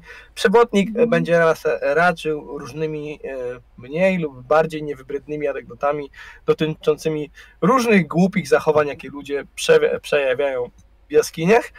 Z dużym naciskiem i nacechowaniem na to, że nie powinno się schodzić z wyznanego szlaku, no bo potem wiadomo, kończy się to właśnie taki sposób. My na szczęście Mhm. jesteśmy przygotowani jako profesjonalna organizacja. Zaraz przyniosę dla pana kombinezon na zmianę. Jestem pewien, że portki są pełne. No tak, to też się zdarza. Pampersy dla dorosłych to coś, co musieliśmy doinwestować. I y, patrząc na was z takim politowaniem, wraca w stronę wejścia, gdzie jest taka nieduża kanciapka. Mhm. Każdy sędzia mnie uniewinni. kamery? Każdy pieprzony sędzia mnie uniewinni. Właśnie, zanim dojdziemy do tego, że zaraz obydwoje go zamordujemy i będziemy mieli dobre alibi. Wy jesteście teraz w tej, tej niedużej grocie. Po tych kilkunastu minutach udaje ci się wyciągnąć z tej No. szczeliny, z tej kieszeni luparę za nogi. On w pewnym momencie już może ci pomagać rękoma. E, I lądujecie w tej niedużej grocie. Między wami a dziewczynami pozostaje jeszcze ta Ręka, ręka. Co mam w ręku? A on ma w ręce. nic. Nic. Błoto. Masz rękę wiesz, w takim, wiesz, błocie, czy- takim jak deptałeś po nim. Po prostu gdzieś tam zebrało się i to wiesz, jak ściśniesz, to jest taki galeretowaty, mlaszczący dźwięk. No, Mam, to jakby, mam wrażenie, że każdy z was kiedyś miał okazję ścisnąć y, mokrą glinę. To jest taki plaszczący, y, charakterystyczny dosyć dźwięk. To upaćkaną ma całą że prawą rękę. jakieś dziecko. Słyszałem dzieciaka, rozumiesz? Tu się dzieje coś pojebanego, Miller. Ale dzięki. Ale jest tam w końcu dzieciak, czy nie ma? Czy tylko ci się wydawało? Słyszałem dźwięk, widziałem go, rozumiesz? Ale ja też go złapałem, a teraz zobacz. Tu się dzieje coś popierdolonego, Miller. No dokładnie wiesz, świe, świecę po nim, czy, czy nic mu się nie stało, czy nie ma przede wszystkim jakiegoś mocnego śladu uderzenia w łeb. Ma y, y, rozdarte plecy i dosyć dużą, taką ranę, no 15 centymetrów, wiesz, ewidentnie od jakiegoś rodzaju kamienia ostrego. Trochę się A poharatował. nic poważnego. Ale nic poważnego. Właśnie. Szkoda koszuli. Dobra. Słuchaj, tu są jakieś ślady. Postarajmy się wyjść tego nie zamazując do końca. Może Hamilton jeszcze coś z tym zrobi. Ja zamierzam iść Dzięki, z tym przewodnikiem, jeżeli on idzie znaleźć kombinezon czy cokolwiek, może ma tu jakąś apteczkę i idę za nim i dopytuję, czy, czy mogłabym teraz em, zerknąć na te kamery. Panowie tutaj opatrzą rany, sprawdzą, czy wszystko w porządku, a ja sobie szybko Ojej! zajmie kilka minut. Jakie rany? Coś się stało? Proszę To się chyba nie pan- martwić. Ja posiadam e, bezpośrednie i odpowiednie przeszkolenia e, w udzielaniu pierwszej pomocy. Zaraz przyjdę z apteczką, tylko muszę się udać do budynku siedziby głównej. Proszę mi dać jakieś 15 do 20 minut czasu i na pewno wszystkich uratuję. Miller, To ja akurat pójdę z panem. Ja jeszcze... ja rozważam, Zapraszam. ja rozważam samobójstwo, nie raportuj tego. Nie, nie. Przecież nic tutaj nie miało miejsca, ale daj, że ja jeszcze zerknę. Nie będę tam głęboko wchodzić, ale ja jeszcze zerknę. Jeżeli słyszałeś głos dzieciaka, no to rozumiesz sam, że są rzeczy, poczekaj. które trzeba potwierdzić lub zanegować. Poczekaj. Siadam tak, żeby siedzieć na skale, możliwe na płaskim, zapieram się nogami i chcę podać rękę, tak żeby Miller z jednej strony trzymał się, wiesz, jakbym, żebym ja się zaparł, żeby, żeby Miller mógł na tej stromizmie już, na spadzie, po prostu się asekurować. Miller, schodząc tam nogami w dół, wylądujesz po prostu na płaskim fragmencie, gdzie znowu będziesz musiał zrobić taką elkę.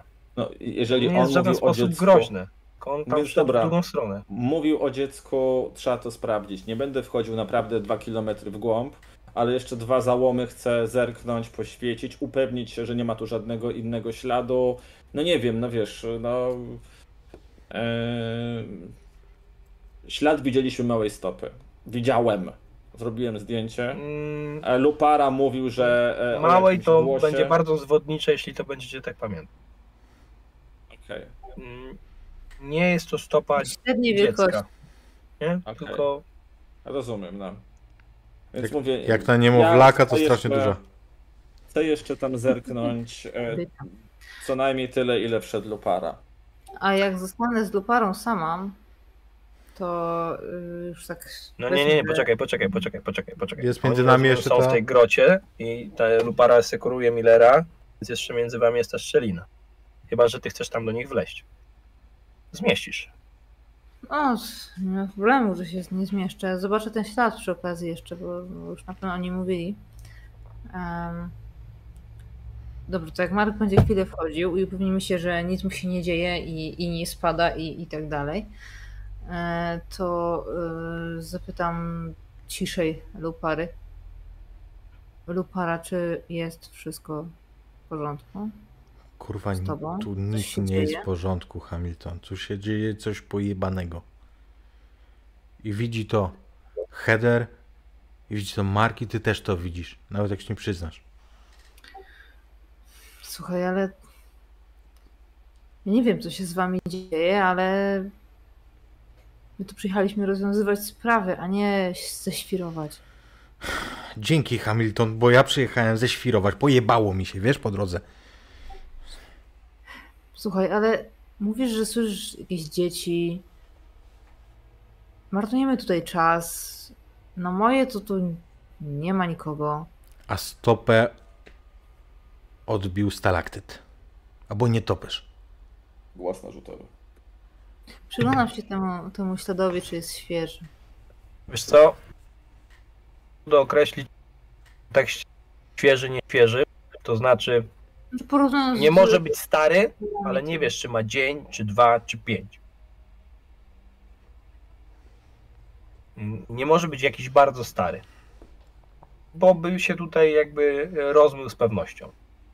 E, Raczej e, kwestia dni niż kwestia niż kwestia e, tygodni. Natomiast nie jest to najprawdopodobniej e, ślad mężczyzny, jeśli to musiałby mieć bardzo małe stopy. W rozmiarówce, w rozmiarówce e, amerykańskiej to byłoby jakieś 5, 5,5 Okej. mm, albo mniejsze nawet. Słuchaj, Angelo, bo. No Dobra, może ten ślad zostawił jakiś nastolatek, dzieciak. No, no spójrz, no to, ten rozmiar, no to, to nie jest na pewno ani małe dziecko, ani dorosły. Stawiam tygodniówkę, że on tam znajdzie resztki płodu. I do tej. Angelo, i resztki płodu, no to czy ty siebie słyszysz w ogóle? To nie, to są ślady butów. Płody nie chodzą w butach, Hamilton. Kurwa, ale żeby płód był na zewnątrz, to ktoś musi przyjść i go wrzucić. Na przykład kobieta, która była w ciąży. Która miała małą stopę. To, to myślę, że usłyszy i Heather, i, i Mark. Nie chciałbym tutaj jakoś specjalnie przedłużać, żeby nie budować fałszywego napięcia. Przegrasz tą Angelo. Mark, tam nie ma nic. Przegram tygodniówkę, bo cię wycina. Przegrasz tygodniówkę, yy, bo tam nie ma nic. Ja może po prostu zrobię e, mały manewr i zrobimy tak. Powinno ła- łapać lepiej. To nawet nie chodzi o to, że nie wiem, ślady krwi, czegokolwiek. Nie. Nic. Żadnych śladów, z wyjątkiem te, które zostawił Lupara. Tak. Okej. Ślady jakieś mogłyby tu być, gdyby było je na czym zostawić, ale to jest skała i to dosyć wilgotna, więc tu ślad stopy się raczej. Nie odciśnie. Są widoczne Jasne. ślady lupary, jak on gdzieś skrobał palcami, ale to jest w zasięgu takim, że jesteś przekonany, że to musiały być e, jego, mm, jego ręce i nic więcej tam na dole nie znalazłeś. Okej, no tak jak mówię, ja Nie będę wchodząc głębiej, tak? w grozołaza i dokładnie w głębiej wchodzić nie będę, tylko chciałem sprawdzić ten wątek, który, który zarzucił Lupara, więc wracam po kilku minutach, trochę spocony, trochę zgrzany. Nic nie ma. I Nic nie ma. Zbliżam się tak patrząc w oczy i wyjątkowo nie będę mówił po nazwisku Angelo. Tam naprawdę nic nie ma. Spokojnie, w żadnym protokole, raporcie tego kurwa nie będzie. Padajmy stąd. I Lupara nie wie, co ma powiedzieć. Wstydzi się trochę, trochę miota oczyma, trochę jest wściekły, trochę obrażony, choć do końca nie wie na kogo. Chyba na samego siebie przede wszystkim. I nic nie mówiąc, zaciskając y, pięści i zęby, y, wychodzę przodem przez tą. przez ten przesmyk. Słuchajcie, rozumiem, że wy opuścicie jaskinię, więc przejdźmy sobie do Heather, a potem zastanowimy się co dalej. Heather, czego szukasz na nagraniach? Skoro morderstwa Bo były dokonane ja, gdzieś w okolicy, Ym, Przyjmuję, się- że ta sytuacja, która miała miejsce między wami, ten czas, jaki poświęciłaś temu mężczyźnie, to jak zagrałaś, e, sprawi, że nie potrzebujesz, by rzucała. On pójdzie na twój wdzięk i ym, pokaże ci te nagrania. Tylko nie ma za bardzo czasu, no chyba, że chcesz go poświęcić kilka godzin, żeby to przeglądać jakoś dokładnie. Dlatego pytam. nie, przede wszystkim chcę rzucić okiem na e, ten dzień, o którym wiem, że tego dnia było, miało miejsce morderstwo, to najświeższe powiedzmy, bo wiem, Tutaj że nie był jesteście widziany pewni. samochód. Nie jesteśmy Nie jesteście pewni, pewni, ale bo powiedzmy dwa, ciało zostało znalezione jesteśmy... po paru dniach, nie? Mhm. Już ci mówię o co mi chodzi. Chodzi mi o to, żeby prze, przejrzeć na jakimś przyspieszeniu taśmę i zobaczyć, czy na przykład ten samochód, który był opisany, nie pojawi się na nagraniu. Nie przejeżdżał, Analizuj nie parkował sytuację. obok. Mhm. Eee, jakieś bonusy? Pewnie nie. Mm, Header. Może masz jakiegoś rodzaju. Ja do analizy jako takiej nie mam. Ja mam do. Chociaż nie, poczekaj, rozum. Śledczy. bo- Aha, masz rozum. Mam śledczego, on jest, ale on jest z czegoś innego, nie, bo śledczy to nie do dotyczy... końca to. Mhm. Ja...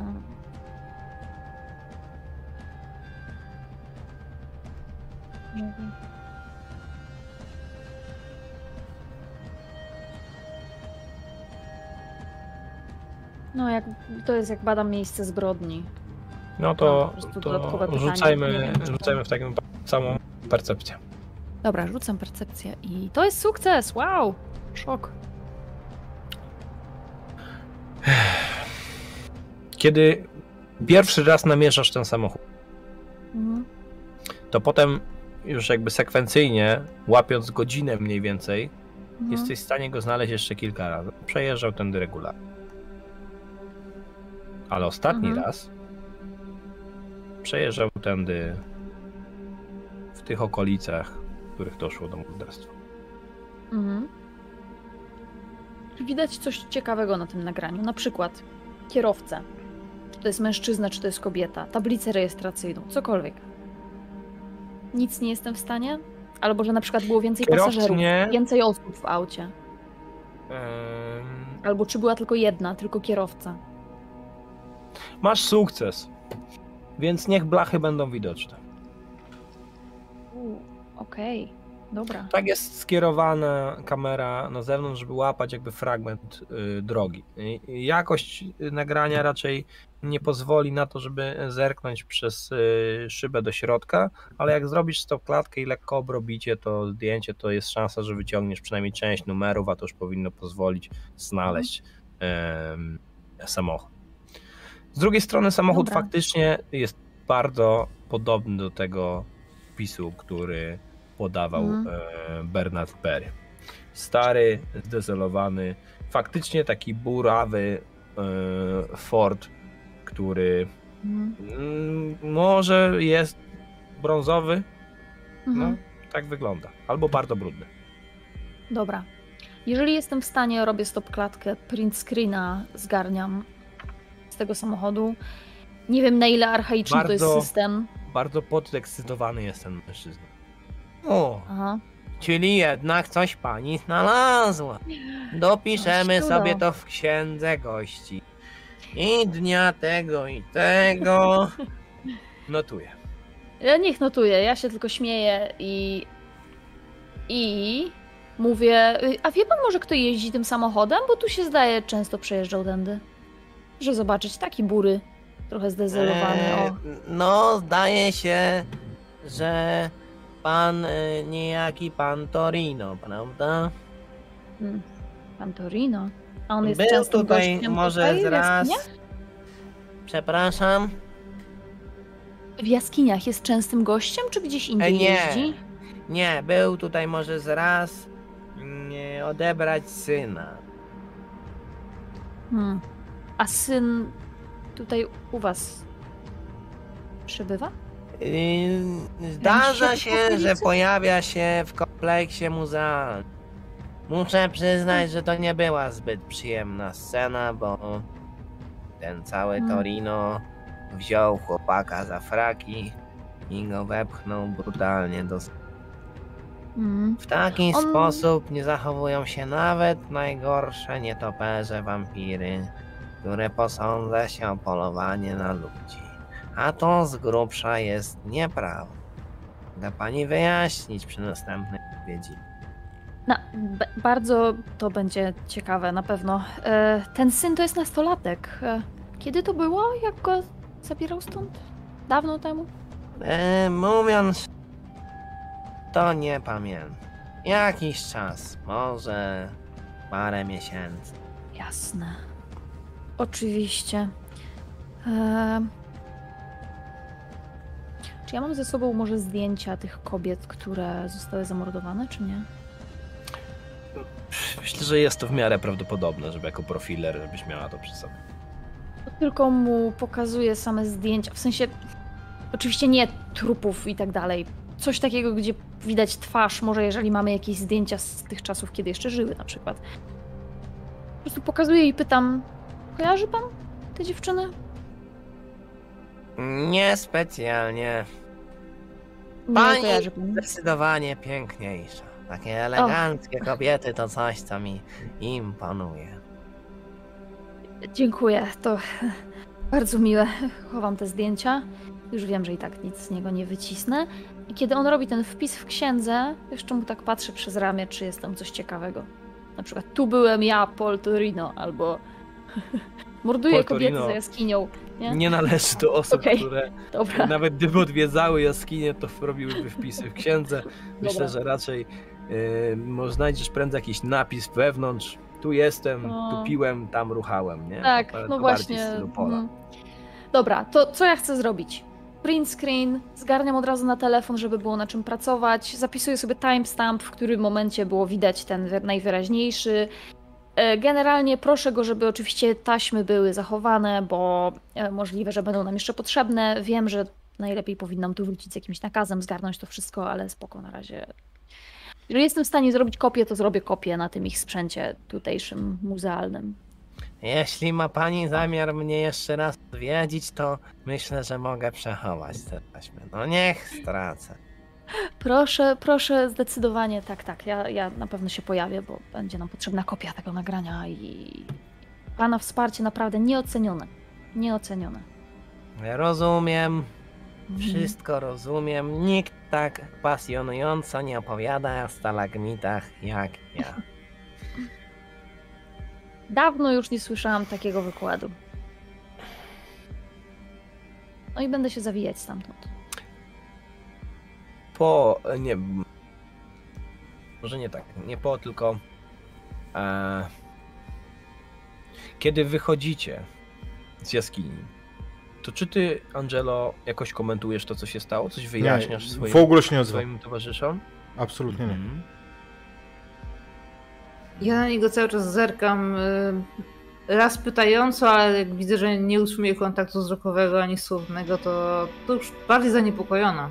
Bo ja już go trochę znam i, i to nie jest dla niego normalne zachowanie.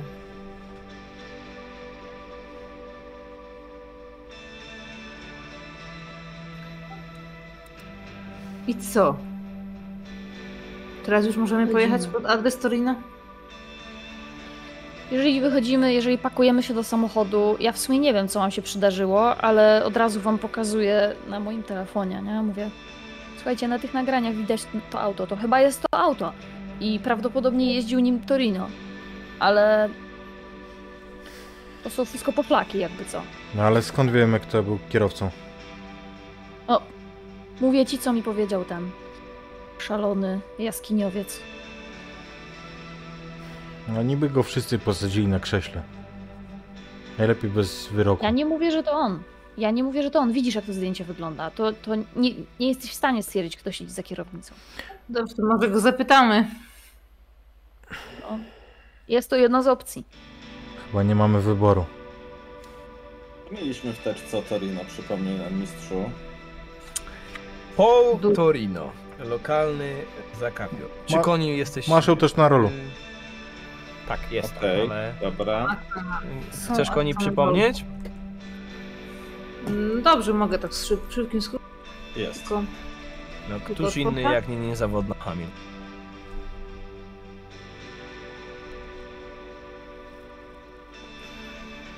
Okej, więc y, na początku zaczynało w wieży, już jako nastolatek, e, potem jakieś włamania, e, napady rabunkowe, e, później mm, zaczął przechodzić do coraz bardziej poważnych przestępstw, pobicia, e, próba gwałtu, czy gwałt nawet, próba gwałtu. Co chwilę go wsadzali do więzienia, wypuszczali za dobre sprawowanie i tak mniej więcej wyglądała jego kartoteka e, przez całe jego życie, więc aż do tego momentu, kiedy mm, go wsadzili za mm, usiłowanie zabójstwa, nie, za,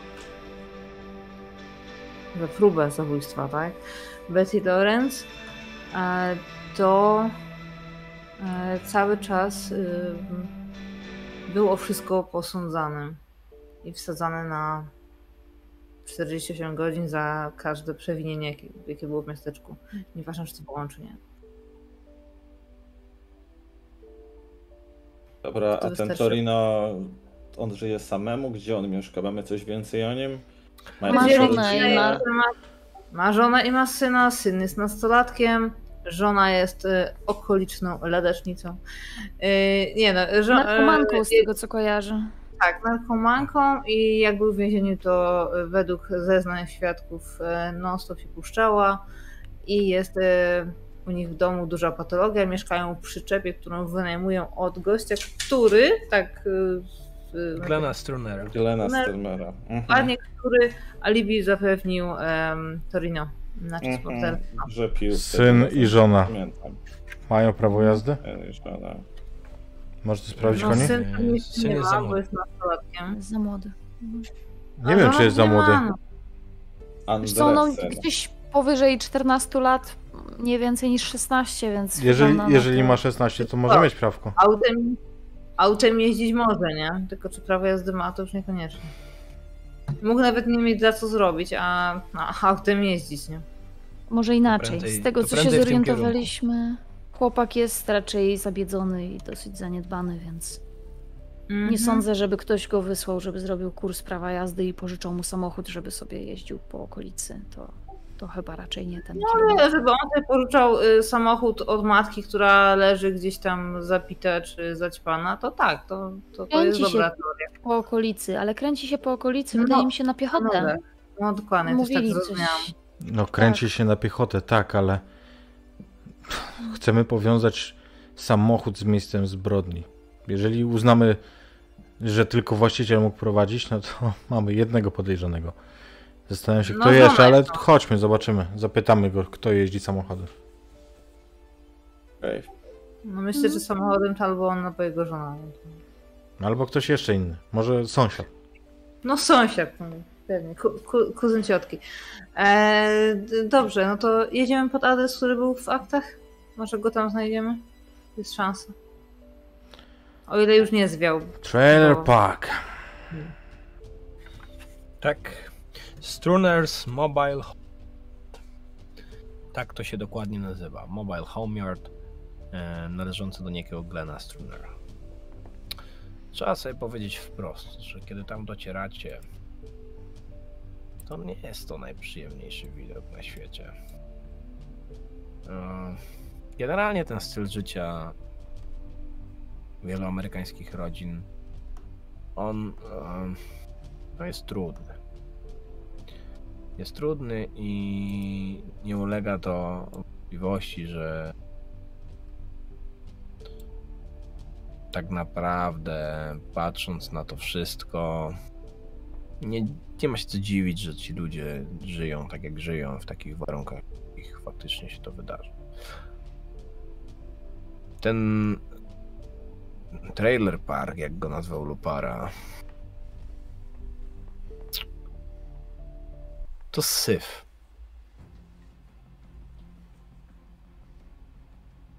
I to syf taki konkretny.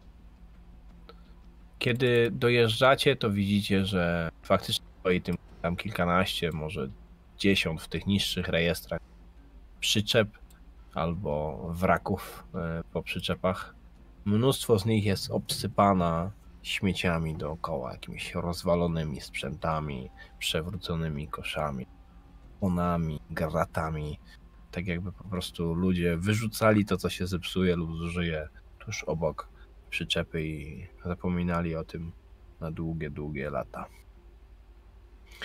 Do, mm, do tej um, do tego trailer parku mm, wjeżdża się przez taką dużą bramę.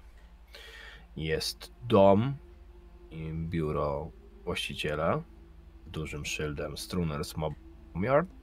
Natomiast dojeżdża się przez taką zalesioną okolicę. Kiedy przejedziecie przez bramę, to jest duży, żwirowaty e, parking i dalej rozciągają się przyczepy.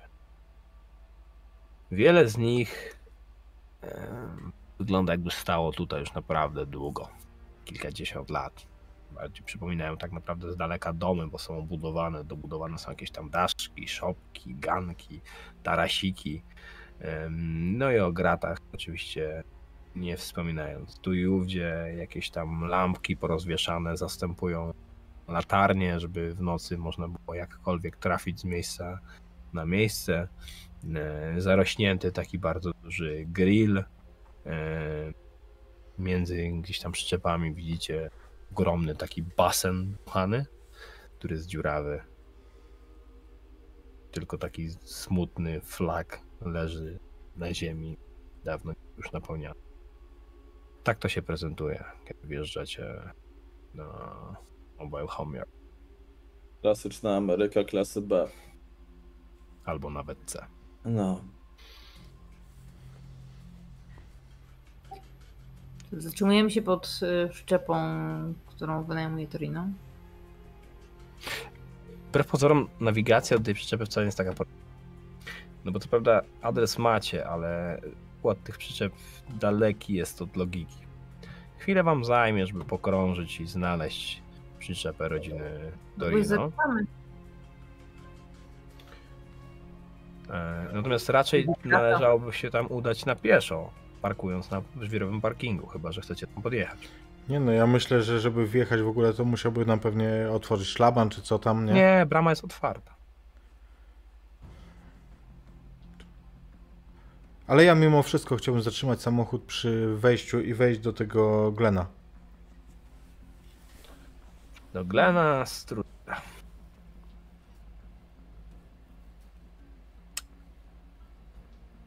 Dom jest zamknięty, biuro wygląda być puste. Świetnie. Zamknięty w tym sensie, że jakby wiesz, nie są, drzwi nie są otwarte, tak? Nie to, że, chyba, że chcesz sprawdzić. Tak? Pukam we framugę. Stukasz raz. Nic. Obsłużymy się sami. I ruszam w głąb faktycznie, ale pieszo, nie będę jeździł tutaj. Jeszcze gdzieś ktoś jakieś sznurki do suszenia prania czy cokolwiek będzie miał, poskładam. Jak nie zauważę. Kiedy ruszacie z parkingu, bo rozumiem, że reszta dołącza do Angelo, Mm. Tak, razem wisiemy. Tak. to, to słyszycie taki chrapliwy, zdarty przez duże ilości alkoholu głos. Halo! Gdzie? To moja posesja! FBI. Pan Struner? To zaskakuje mężczyznę, do którego kierujesz te słowa.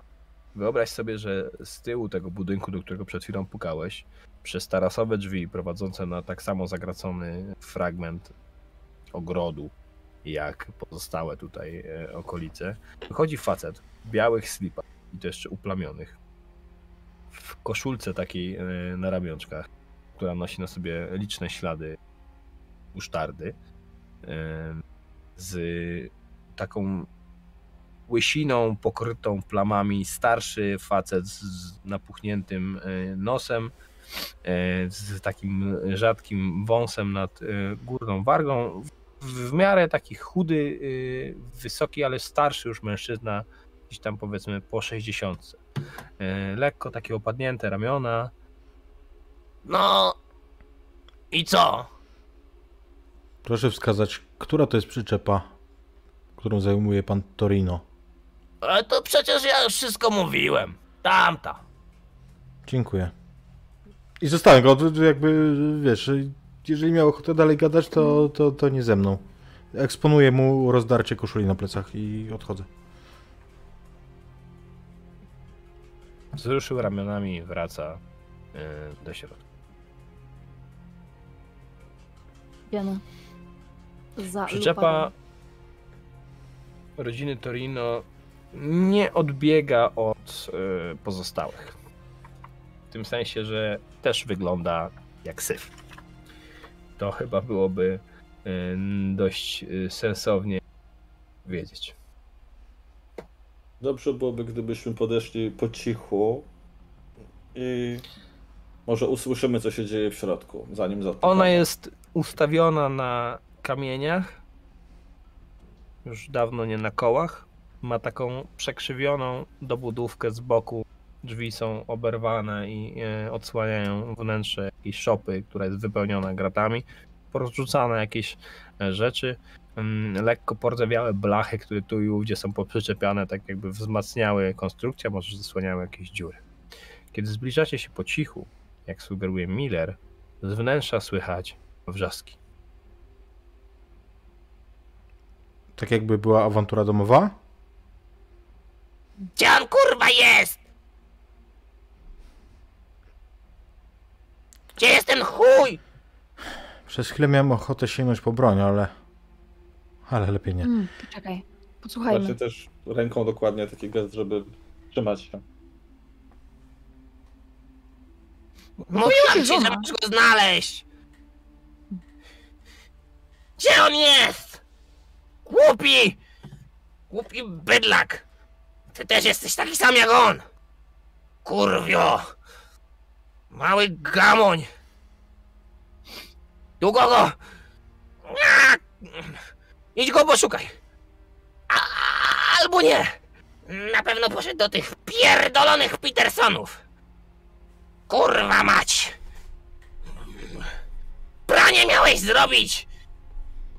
Szczylu pierdolony! No! Długo będę powtarzać! Tym tonie te Mm. krzyki będą trwały, dopóki interweniujecie albo nie. Dobra. Dorina Dwoje-. Dwoje do dziecka, dwoje do starej. Możecie Ja sobie wolę do dziecka, bo starą mogę rozerwać. Miller? Mogę pójść do starej. Porozmawiamy sobie z mamuśką. Hamilton. Do dziecka. Tuf, tuf, tuf. FBI, proszę otworzyć. Pierwsze co słyszysz takie. Pol, no kur... Nie otwieraj! Proszę otworzyć, bo sami wejdziemy. Nic nie zrobiłam! Dlatego proszę otworzyć.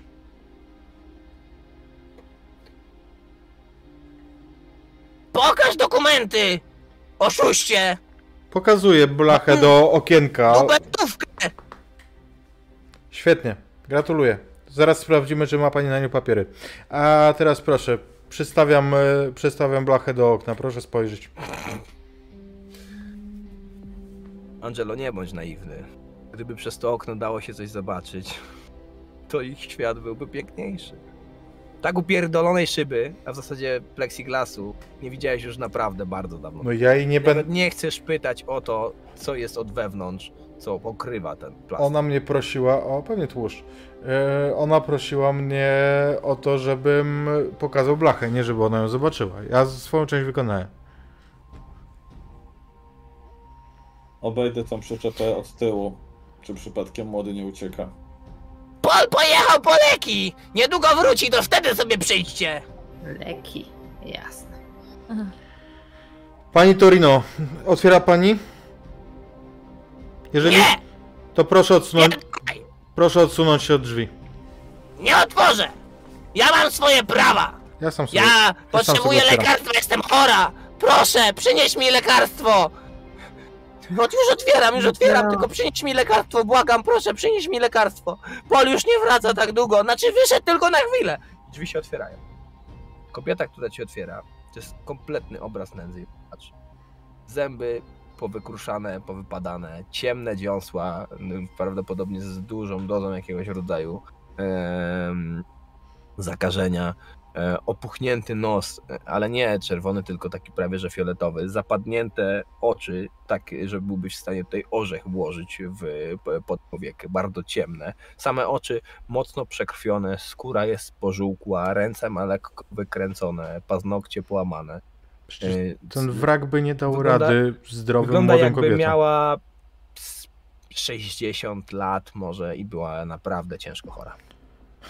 Pani Torino, Włosy takie przetykane pasmami siwizny, siwizny wyglądają jak jakaś taka wiecheć y, suchej słomy rzucone na głowę, jak się rozsypało, tak się rozsypało. Pani Torino, proszę tutaj usiąść. Wskazuję na takie, takie krzesło, jak, e, jak się miewa na działce, takie materiałowe, e, ponadrywane. Proszę tutaj usiąść, porozmawiamy, dobrze? Nie no, ja zapraszam, proszę bardzo, na- na salony, proszę, proszę. Tylko macie jakieś lekarstwo dla mnie, przynieśliście coś, przywieźliście, Pol was przysłał, tak? Na pewno Pol was przysłał, macie dla mnie jakieś lekarstwo? Najpierw Ja porozmawiamy. czekam, jestem taka... Najpierw porozmawiamy, a później będziemy rozmawiać o lekarstwach. Em, proszę zawołać syna. Andre! Jełopie! Znaczy... Andre! Chodź tu. Chłopak się pokazuje? Jest Ja mówiłem, że jestem od Ten tyłu. komiks, kurwa mać, mówiłam mu, że ma pranie zrobić, tyle razy powtarzam, żeby po ojca poszedł. Pani Torino. On po leki poszedł, on po Proszę, leki poszedł. proszę tutaj usiąść. A moi koledzy porozmawiają wewnątrz z pani synem, dobrze? Nie, Moje koleżanki, w zasadzie tak powiedziałem. nie, nie zgadzam się. Możemy też On się jechać, musi uczyć. możemy też jechać na komisariat. Nigdzie państwo nie mogą mnie zabrać, to jest... To jest wolna k- kraj. I Proszę na usiąść. jakiej podstawie? Ja poproszę o moje lekarstwa, ja bardzo ich potrzebuję. Proszę natychmiast cię. usiąść na tym Panie krześle. agencie, sza, kochany, daj mi proszę te lekarstwa, bardzo cię proszę. Dostanie pani lekarstwa. Uśmiecham się do niej najszczerszym swoim uśmiechem, jaki mam w tej chwili, czyli ewidentnie udawanym. Ona wytacza się z tego, z tej przyczepy i gdyby nie to, że wyciągasz rękę, żeby ją podtrzymać, to by się przewróciła. Jest wychudzona i widać, że ma taki mm, brudny, różowy ko- podkoszulek z, z wizerunkiem zdrapanym, który kiedyś mógł być kotem, teraz zostało z niego tylko fragmencik i krótkie shorty jeansowe, ale całe ręce tutaj na e, przedramionach ma sinę. Jakbyśmy wysłali młodego samochodem do sklepu po lekarstwo, to on pojedzie? Pani Torino? Gdzie no głupi nie pojedzie? Dlaczego? Dlatego musiałem Pola wysłać, ale on poszedł na pewno do tych Petersonów i na pewno tam pije, albo się kurwi tak jak zawsze. Chuj złamany i miał mi leki przywieźć i nie przywiózł, ja już jest taka chora i tak bardzo potrzebuję tych lekarstw, Dys- naprawdę. Ja ich Dyskretnie tak pokazuje dziewczynom, żeby, żeby robiły swoje, żeby weszły za jej plecami. Tak. To chciałam powiedzieć, że jak wy wchodzicie, ja, czy ona wychodzi, to, to ja się po prostu pakuję do środka. I... Za wami tylko zostałam. dobiegają kolejne przekleństwa em, Marii Torino, która wyzywa No na swojego męża. Ten Ten! Nie, tylko idziemy do dzieciaka. My z Markiem w międzyczasie staramy się z dartą płytą, niech ona się naj, najpierw wyklnie, wyrzucić z siebie, jak, jak e, przejdzie ten, e, ta furia, to Maria wtedy Torino będziemy rozmawiać. stany. Albo wścieka się na pola, że go nie ma, albo Mhm. błaga o leki. One się między sobą przeplatają i krzyżują. I to w zasadzie jakby jest. Jeśli wyzdarta płyta, to i ona raczej też. Ale jeszcze za chwilę będziecie mogli Znaczy, zadać. z- zakładam, że mamy też swoje techniki jakieś, nie? Ma Mark na pewno. Więc pewnie poprzemy takim rzutem. Natomiast w środku, pierwsze co was wita, to jest bardzo intensywny, nieprzyjemny taki zaduch. Tutaj śmierdzi. Śmierdzi potem, śmierdzi alkoholem. I w sumie chyba nie chcecie wiedzieć czym jeszcze. Wnętrze jest kosmicznie zagracone. Po blacie biegają karaluchy. mm, Spiętrzona góra jakichś y, starych naczyń, które dawno nie były używane. Bo jak przestały, jak się skończyły naczynia, to one się po prostu przerzucili na jakiegoś rodzaju fast foody, więc mnóstwo styropianowych, plastikowych opakowań, jakichś folijek rzuca, y, wala się po podłodze, także trudno jest nawet znaleźć miejsce, żeby postawić stopę. A w kącie, na, na samym końcu tego przyczepy, na takim mm, fragmencie kanapy, który się rozkłada w łóżko, siedzi chłopak przy y, rozkładanym stoliku i czyta chyba komiks. Bo widać, jak przewraca powoli kolorowe kartki. Chłopak jest dosyć duży. Ma na oko kilkanaście lat. Takie w miarę krótko, krótkie kasztanowe włosy. Bardzo w takim nieładzie roz, y, rozwichrzone.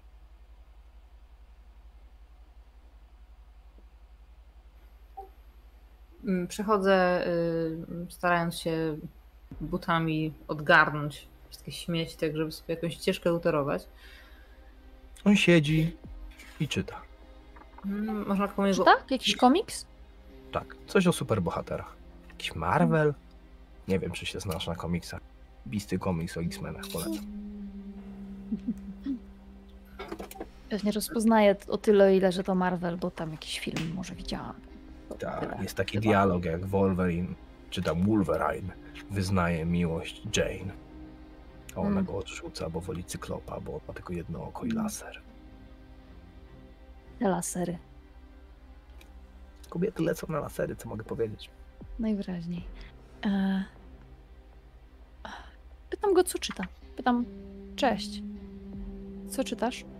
Chłopiec nie odwraca się w twoją stronę, tylko ym, patrząc się w kartki komiksu. Komiks? Lubisz czytać komiksy? Ma lekko taką krągłą, może nawet troszeczkę pucułowatą Mhm. twarz, trochę obwisłe e, policzki i mm, mm, takie powiedzmy wargi, które mają lekko opadające kąciki, tak jakby był wiecznie smutny, dosyć podkrążone, e, podkrążone oczy Mm. Tak. A... Siadam, odgarniam też jakieś, jakieś śmieci. Ja wiesz co, siadam nawet na podłodze właściwie. Bo on siedzi, jeżeli on siedzi na łóżku albo coś w tym rodzaju, to ja sobie przysiądę jakoś tak, żeby być jak najmniej zagrażającą dla niego. I, i po prostu przysiadam i. Nie wiem, ile mamy czasu.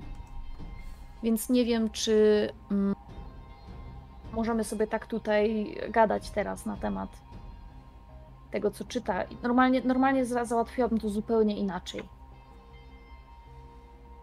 Daję znak koni, żeby się rozejrzała. Czy tutaj nic ciekawego nie, nie znajdzie może? Prześlizguję wzrokiem po Mhm. półkach, y, patrząc na tą część, gdzie, która należy raczej do tego dziecka. y, I próbuję Mm, wyłowić z tych nic tu nie ma. Śmieci cokolwiek, y, co jest No. jego. A ja go pytam. Ten komiks, który on ogląda, jest podrapany, obdarty i obtłuszczony, ale jest Mhm. jeden. pytam Nie widzisz go, tutaj nic więcej. Na Ech, pierwszy rzut oka przynajmniej. Słyszałam, słyszałam, że twojego taty nie ma. Dawno, dawno sobie poszedł?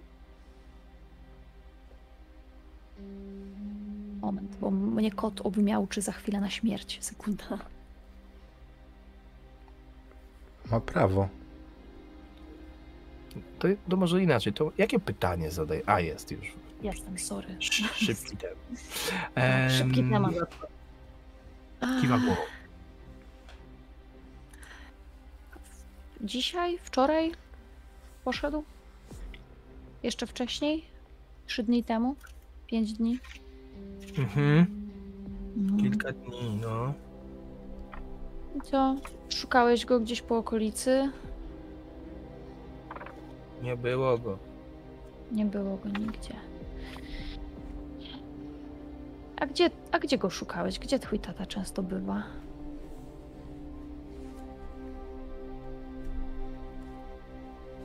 Petersonów. Petersonów. Hmm. Ale tam też go nie było. Nie byłem tam. Hmm. Nie lubisz ich?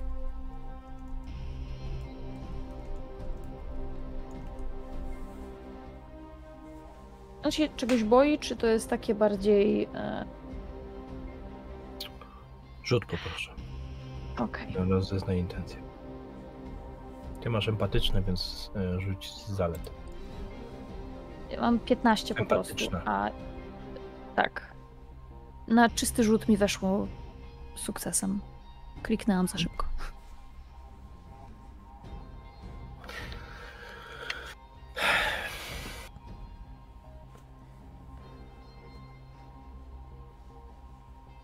Chłopiec jest kompletnie wycofany. Mm. On ewidentnie ma jakieś duże problemy.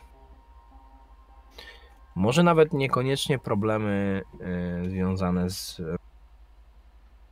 takim gdzieś tam psychicznym, umysłowym, ale z adaptacją, z socjalizacją z pewnością tak.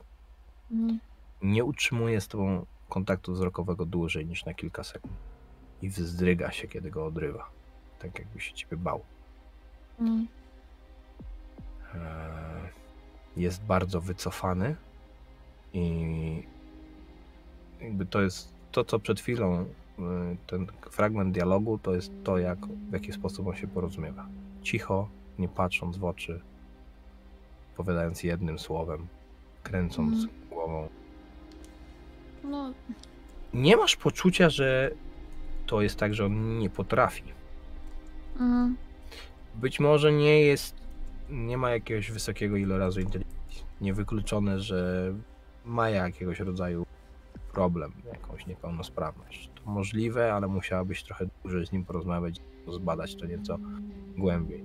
Ale masz wrażenie, że jakby patrząc po tym, w jaki sposób czyta, a robi to dosyć sprawnie, w tym sensie, że te strony, chyba że ogląda tylko obrazki, przewraca dosyć szybko, Mm. to nie powinien być Nie powinien Mm. nie być w stanie się porozumiewać.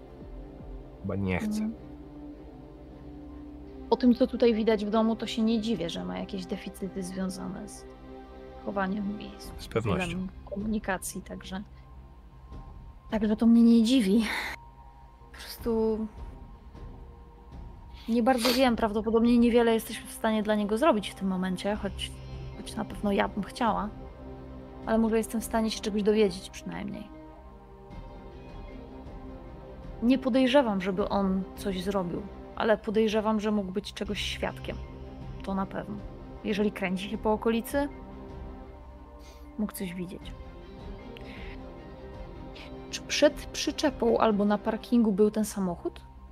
Samochód, który podejrzewamy, że jest Pola Torino? Nie. Nie. Nie było. Okej.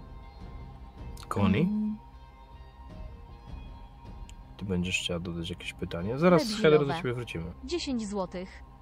Na chwałę światów No wyobraźni. cóż, no ja się roz, y, rozglądałam, nie będę jej tutaj wchodzić w rozmowę, No, możesz bo... pogrzebać po szafkach, no bo tak po wierzchu nie widać tutaj A. rzeczy, które mogłyby należeć do dziecka, do, nawet do nastolatka. Wiem, wiem, ale no grzebać znowu to nie chcę go denerwować, nie? Chyba, że nie zauważy. On w ogóle nie zwraca na ci uwagi. On gapi się w komiks. On ledwo co podnosi oczy w stronę Heather. Dobra, to w takim razie jednak na początku się czaję chwilę, y, patrzę, czy właśnie jakoś reaguje na mnie, ale jak widzę, że nie, to tak powoli gdzieś otworzę jedną szafkę, zerknę, nie zareagował, otworzę drugą szafkę, Kompletnie. widzę, że znowu nie reagował, no i wtedy już coraz to bardziej pewnie um, przeszukuję, powiedzmy, że tą część, w której gdzieś tam jestem, to jest szczepa, więc tam nie ma dużo Wiesz- przestrzeni. To prawda, ale też mm, jakby nie za dużo możesz e, no, pozwolić, żeby zrobić to w miarę dyskretnie.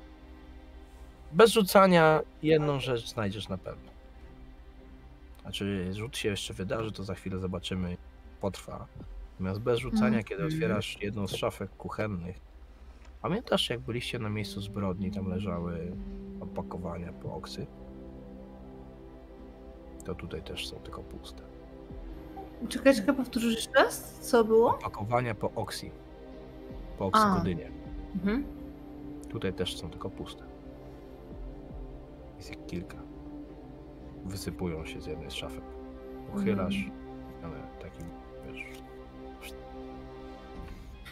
No tak, ale to ona pewnie lekarstwo, no to, to się domyślałam. to zasadniczo jest bardzo silny środek przeciwbólowy. Ale nie jest nielegalny.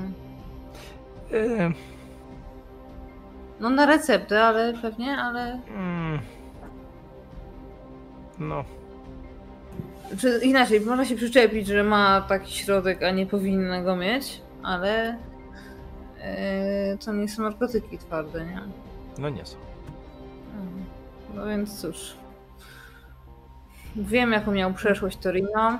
E, już zobaczyłam, jak wygląda, jak prezentuje się, jaki obrazek prezentuje jego żona, więc e, znalezienie tutaj tych fiolek tylko dopełniło obrazka. No.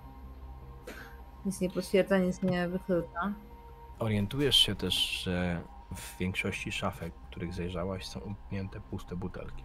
O różnych y, literażach. Małe, duże, poupychane, tak wiesz, jakby miały być schowane. Y, puste.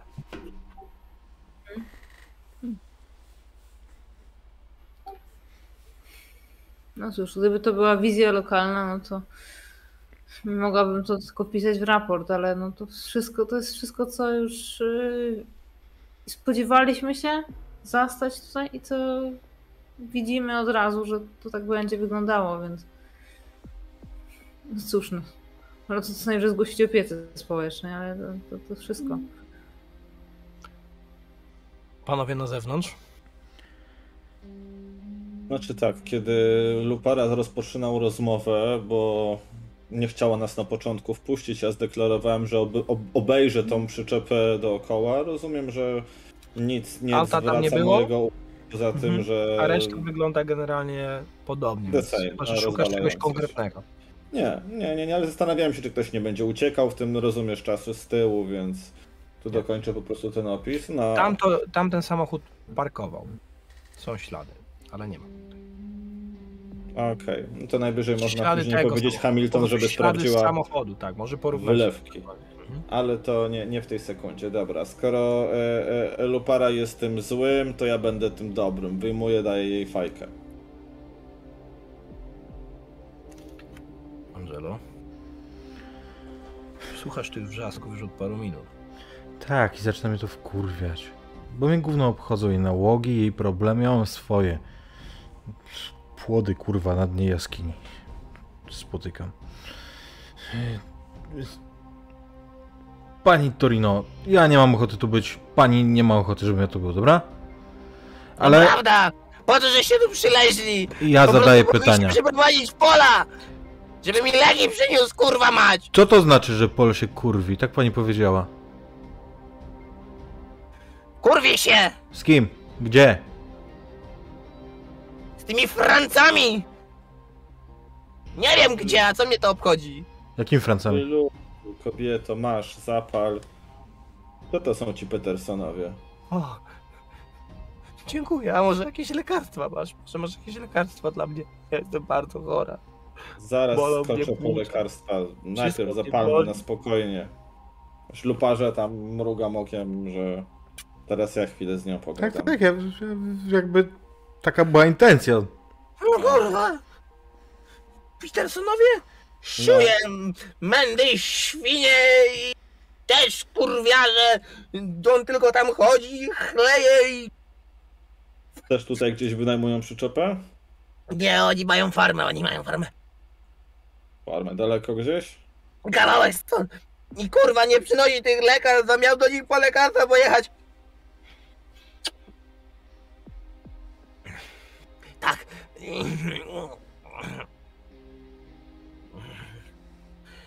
Chyba że jeszcze jedno.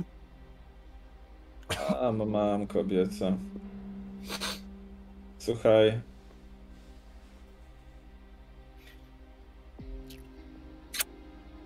Ten Torino, twój kochany. Wiesz, że psy się go cały czas czepiają. Czepiają się niepotrzebnie, bo to przecież... No tylko Polaki pojechał, tylko na chwilę. Miał zaraz wrócić, no. I kiedy pojechał po te leki? Jak nam powiesz Nie więcej, to go znajdziemy. Nie no, pamiętam, spokojnie. głowa mnie bolała, bardzo jestem chory. Jakoś pojechał, no. Wczoraj, dzisiaj, przedwczoraj, jutro. Niedawno jakoś, bo miał zaraz przyjechać, wró- miał z lekami, to bo bardzo mnie bolało. To, to, to, nie wiem, może przedwczoraj, na pewno chladam. Kurwi się. Czy coś. Jakie leki bierzesz? A jakie masz? Bo ja chyba jestem bardzo chora, bardzo jestem, boli mnie stawy, mam y, to i jeszcze takie nanyny myny i głowa i napuchnięty łokieć, ojej. Wiesz co, ja wyciągam, wyciągam e, listek e, tych, listek e, tabletek, który noszę w kieszeni na piersi. Chcesz?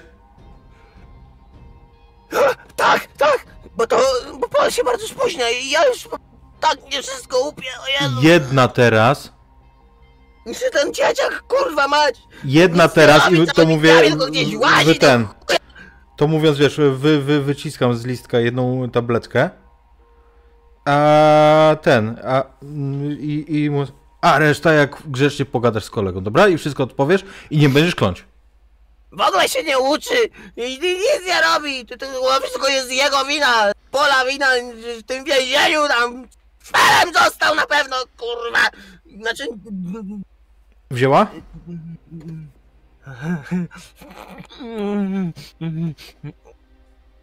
Niezłe, nie? Co to za gówno? Daj mi normalne lekarstwa! Wypluła? Mhm. Gdzie dokładnie mieszkają Petersonowie? Pojedziemy po te lekarstwa. Pol na pewno je dla ciebie ma, tylko powiedz, gdzie mam ich kurwa szukać, kobieto. No, no musisz pojechać. Tam, to jest niedaleko. To, to, to jest przy, przy wylocie. Tam w tej ulicy takiej, jak się lasem jedzie, jeszcze kawałek tam. Ona generalnie opisuje ci to miejsce, tam nawet poda adres. Dobra. To No jest i kawałek stąd, ale dalej w obrębie jakby mm, Od niej nic i nie potrzebuję, bo nic sensownego ani ambitnego od niej się nie dowiemy. Mhm. No, więc wychodzę To na wróćmy zewnątrz, sobie przyczepy. No właśnie. Nie, nie, wy jesteście na zewnątrz, bo to... Mm, ym, Okej. Angelo ją posadził na tym krześle. Tak, tak, tak. No, a tak. my jesteśmy w Wróćmy z kamerą do środka. Tak, header, środku. header. Wróćmy z kamerą do środka.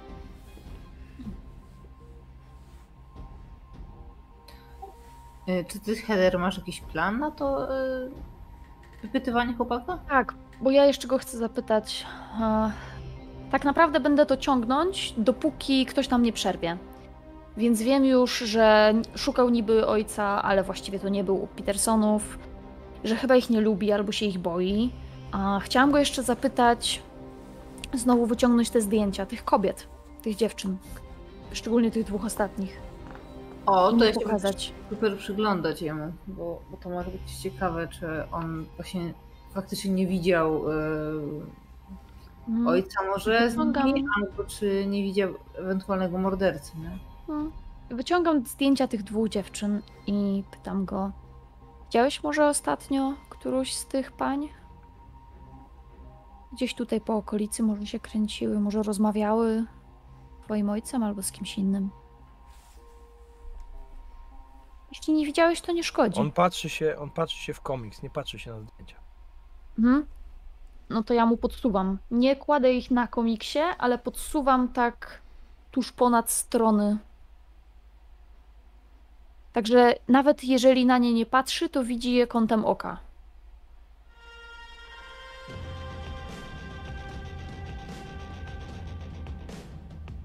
Ktoś jakoś reaguje na to?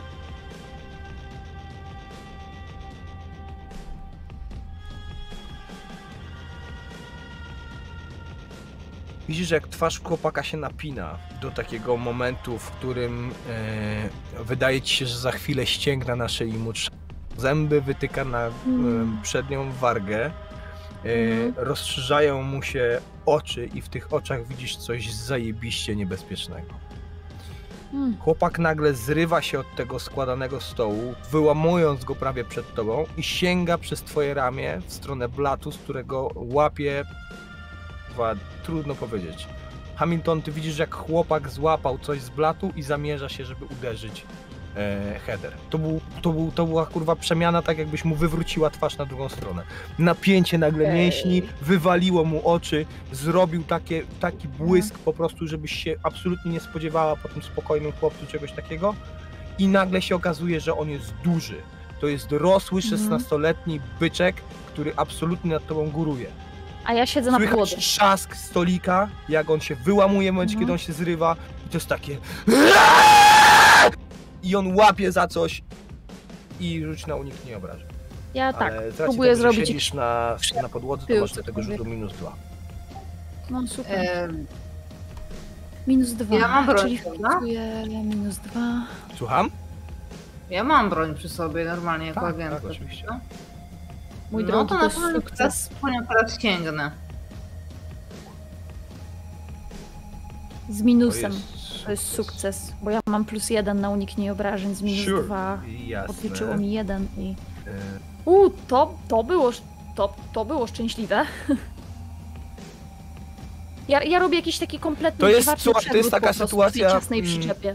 Której on po prostu jakby wiesz, złapał za to coś i gdzieś No. tam ty się odchyliłaś, on uderzył w miejsce, w którym przed chwilą była twoja głowa. Widzisz, jak z, z trzaśnięciem odpryskuje Mhm. fragment stołu. Wy z zewnątrz słyszycie taki ryk, ale to jest taki dziki kurwa ryk z głębi gardła, aż harcący dźwięk, jak się zdzierają struny głosowe. Maria się natychmiast zrywa. Co nam się dzieje? Natomiast, A jak y, się natomiast jakby, y, Andre będzie kontynuował, będzie próbował wbić cię w podłogę. Heather. Rzuci się tam rzucamy Ja, wpa- ja oczywiście wpadam z bronią w ręku. Tylko wiecie, to jest przyczepa. Tam w środku jest Hamilton, Nie ma wejście miejsca. jest wąskie. Dobrze. Więc najpierw Koni, Tak. Mhm. twoja reakcja, bo jak widzisz, jak header unika w ostatniej chwili, odpryskują po prostu drzazgi z tego pękniętego stolika ze sklejki. On ma coś w ręce i próbuje Mhm. Jasne. kompletnie ja, jakby w szale. Rozumiem. Frycu, ja już bo widziałam nam ten czat początek. wyjdzie. No, nie, nie krzycz tak głośno. Yy, Niech czas się boi! tak, niech czat się boi.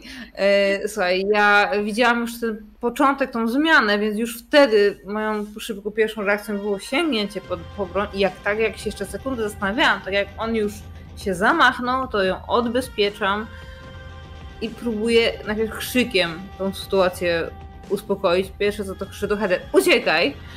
A powiedz, że ona się próbuje tam... To jakoś- robię. Header, e, act under pressure, bo chłopczyk się nie zatrzyma. Act under pressure, e, ale jak będziesz Minusy? miał porażkę, to on cię zaatakuje. W sensie on cię zrani. Już nie będziemy rzucać na uniknięcie obrażeń. Nie, bez. Spoko. E, Rzucasz Bez próbując się wywinąć spod jego ataku. On wściekle całą swoją masą, siłą, tą jaką ma, a wbrew pozorom jest do, dość silny, e, rzuca się na ciebie. I o ile za pierwszym razem udało ci się wywinąć, tak za, Za drugim, razem jakby nie spodziewasz się tego, że on nie, kompletnie nie zwracając uwagi na to, że tutaj jest jeszcze jedna osoba, rzuci się na ciebie i ty widzisz Koni, jak na twoich oczach Andre łapie za głowę header i uderza nią potężnie o podłogę. Słychać taki tępy Ja chciałem tylko zapytać, to wszystko się dzieje zanim my tam dotrzemy? Nie no, wy jakby wbijasz się, ale masz Hamilton przed sobą. Yy, czy Nie? mogę... Ona zdążyła odbezpieczyć broń, a on się tylko na nią rzucił. Drugi No, raz tam teraz krzyknęła, wy się próbujecie wpakować do środka, yy, więc jakby on łapie za głowę, jeb. Wreszcie, a potem mogę przestaje. spróbować wystrzelić? Tak, możesz strzelić jak najbardziej. Oczywiście, Ty jesteś no. lupara za Hamilton w wąskim, ciastym, zagraconym przejściu przyczepy, a oni Dokładnie. są na końcu, do, wiesz, 2-3 metry od was, y, w takim, no aneksie, jak tam jest na końcu taki rozkładany stolik, taki kawałek kanapy, nie? No to ten stolik się wyłamał, y, y, header leży wzdłuż tej kanapy i on po prostu siedzi na niej, zajmując większość przestrzeni, bo jest duży dosyć. No to jeżeli Ja- go widzę, to mogę do ja- niego strzelić, czy nie? Zapania. Zasłania ci Hamilton. Czyli nie widzę No go. dobrze. Znaczy możesz się, wiesz, jakoś tam spróbować obok niej, bo możesz spróbować strzelić, tak? No jakby albo No, go No, widzę i... Jestem przejście w przyczepie. No widzisz chłopaka, który siedzi jakby... Musisz to prawdopodobnie wetknąć broń dosłownie koło jej Nad ramienia albo gdzieś, jej tak? ucha. No, tak. No dobrze, ale no, i tak ja pierwsza jestem do strzelania. No nie, no dobra, jakby jak najbardziej. Yy, Koni będzie w tym wypadku pierwsza, ja wiem, proszę że- o przemoc. Ja wiem, że znowu będziemy mieć problemy, ale no atak na agentkę no, nie ma o czym gadać.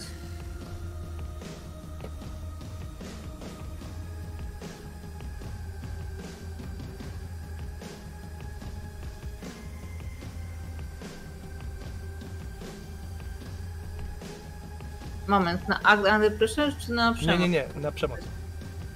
To ja w tym czasie, kiedy...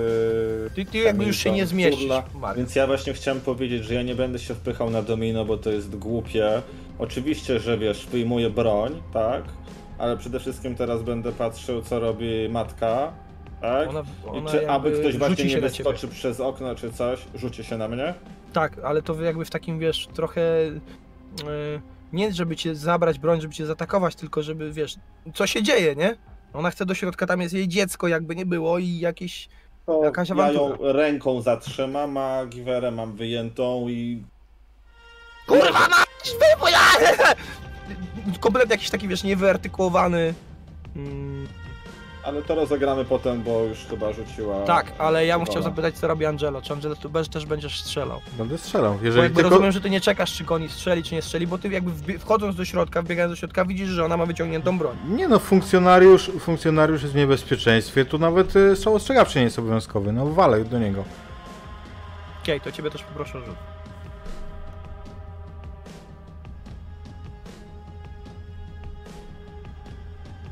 Z komplikacją. A przepraszam, przepraszam, ja mam ułatwienie z czatu, A, odkupili się. ale to jest dalej sukces z komplikacją.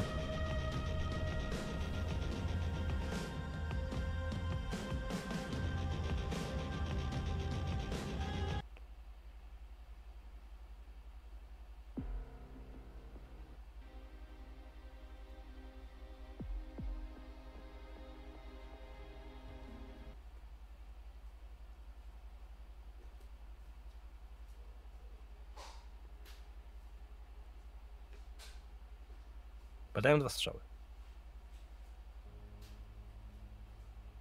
Pierwszy strzał daje koni.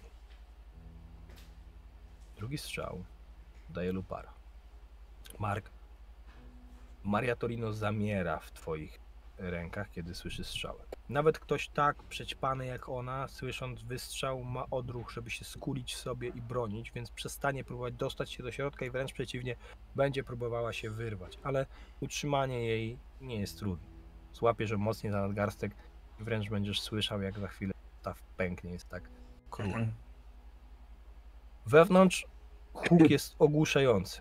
Ćwiczycie czasami strzelanie w miejscach ciasnych i jesteście na to przygotowani, ale wciąż dzwoniący dźwięk, bijący w uszy sprawia, że robi się taki moment, w którym traci się trochę orientację, i lekko wiruje wszystko, bo po prostu y, y, to, co w uszach, trąbka, zak- zakręt przyhipokampowy, tam wszystko po prostu zostaje taki wpierdol. Ale to jest nic w porównaniu do tego, co się stało na Ziemi. Bo strzał lub pary odrzuca chłopca, tak naprawdę przeszywając go w okolicach obręczy barkowej, przechodząc nad obojczykiem i wychodząc gdzieś e, pod łopatką, rozpruwając mu płuco i sprawiając, że osunie się tylko na bok, przygniatając header. Header, która przerwała w pewnym momencie krzyk, kiedy pak rzucił się na nią, złap i trzasnął nim o podłogę. To nie sprawiło, Heather, że straciłaś przytomność. Ten polit dosyć miękka podłoga, mimo wszystko kampera, trochę zamortyzowały uderzeniem. Być może impet wybił ci z płuc em, powietrze. Więc teraz, kiedy pada strzał, a potem drugi, czujesz jak mięknie nacisk, to jest to naturalny odruch, którym chcesz nabrać powietrza. Ale nie możesz tego zrobić, bo czujesz, że usta wypełniają ci się płynem.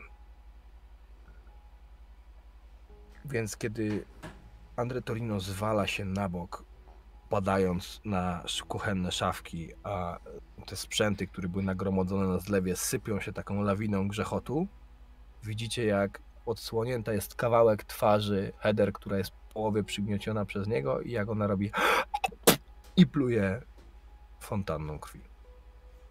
Bo kula, którą wystrzeliła, Ho- którą wystrzeliła Connie, otarła się o wewnętrzną część ręki Andre Torino i wbiła się prosto w klatkę piersiową Heather. My jesteśmy jakimiś najgorzej strzelającymi agentami FBI w Stanach, nie? To raczej kwestia tego, że podejmujecie decyzję o tym, żeby strzelać z broni w bardzo kiepskich warunkach. Żaden z was nie będzie pewne, dopóki nie będzie zbadana balistyka, która kula dosięgnęła kogo. Natomiast Heather Simmons leży i widzicie, jak pod nią rozlewa się kałuża. Andre Torino konwulsyjnie drga na, na niej, sprawiając, że cała szafka się trzęsie, sypią się te sprzęty, jakiś kubek się tłucze, yy, słychać na zewnątrz wrze- Marii, która próbuje się werwać Markowi. Co robicie? Krzyczę, nie, nie, nie, nie, nie, nie, nie, nie. Padam na kolana, próbuję odsunąć y, Andres, tak żeby odblokować header w pełni. Ocenić, co się tak naprawdę dzieje, bo pewnie widzę głównie krew i jeszcze do mnie nie doszło, co się stało dokładnie. Do tego się dowiem dopiero później. I pewnie takimi zakrwawionymi rękami szukam telefonu, żeby wezwać pomoc. Lupara? Ja dobiegam do dzieciaka i najpierw go Nie kuję. się. No to, Jakby w momencie, kiedy Koni tam podbiegnie do Heather, a on leży praktycznie na niej, nie, nie ma miejsca. Kurwa, to ma 50 centymetrów, wiesz, od szafki do no szafki. to okej, myślałem, że ma, bo przed chwilą tam ją miotał. E, więc e, w takim No, razie ale on, nie, za... on, wiesz, on jakby skoczył na nią y, w takim, w tym przejściu i jebnął nią podłogę. I upadł na nią. Ja prawdopodobnie nie mogę z siebie wydać dźwięku. Poczekaj, bo ja do i- ciebie za chwilkę przejdę. Do tego najpierw chciałem Dobra, do bo chciałam powiedzieć, co robię, bo zrobię jeszcze jedną rzecz. Wiem, nie- pewnie nawet więcej, ale za moment. No jak nie mogę, jak nie mogę, to kolejno wsparcie karetka. Karetka wsparcie w tej kolejności. No Porządku. tak, no To też wzywam, nie? Officer down to po pierwsze, po drugie, no podejrzanego też będziemy musieli ratować. Chciałbym, żebyś rzucił sobie na Keep It Together, a Connie, żeby rzuciła Keep Together minus dwa. Dlatego, że Connie będzie patrzyła, jak Heather krwawi na jej oczach. A ta rana wygląda paskudnie.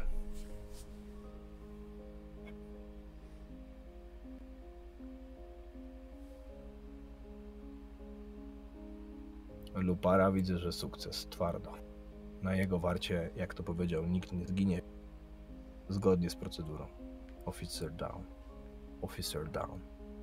Officer down. Connie zastrzyk adrenaliny jest wystarczający, żeby przeć jakiekolwiek inne myśli, jakie masz przed sobą. Tak, ja, ja myślę o tym, co trzeba zrobić. Procedury, procedury, procedury. Potem się zastanawiał nad tym, co się stało. I tutaj chwilka, moment. Heather, nie możesz nabrać powietrza. Mm-mm.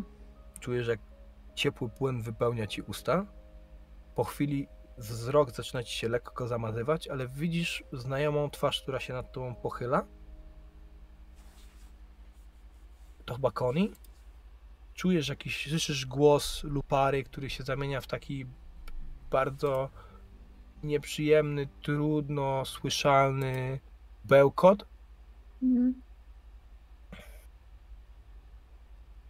Jest, słuchaj, ja jedyne co mogę zrobić, żeby dać im znać, że ja jeszcze żyję, że, że ja żyję, że ja tu Komu? jestem.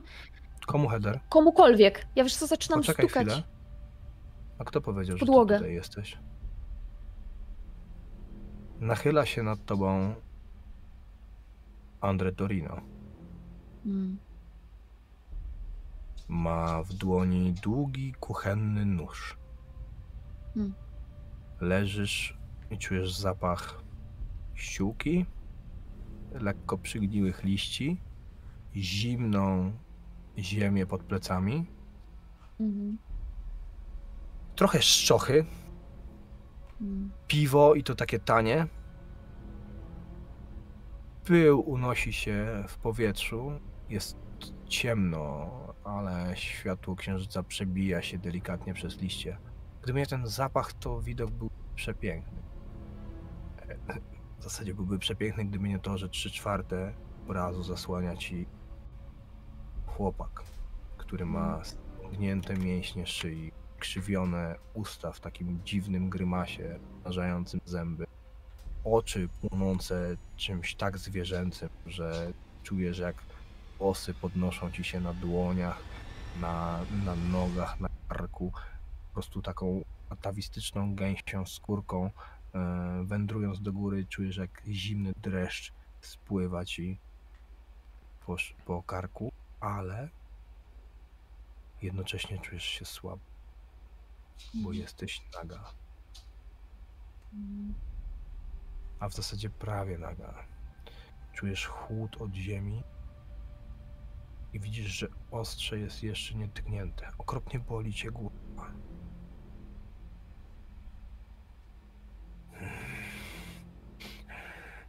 Zapłacisz za to, co zrobiłaś. Zapłacisz za to, co zrobiłaś. Tak.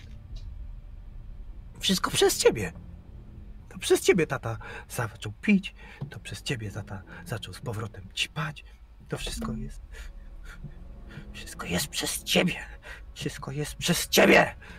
I pierwszy cios pada na, twoj, na twoją pierś, na brzuch.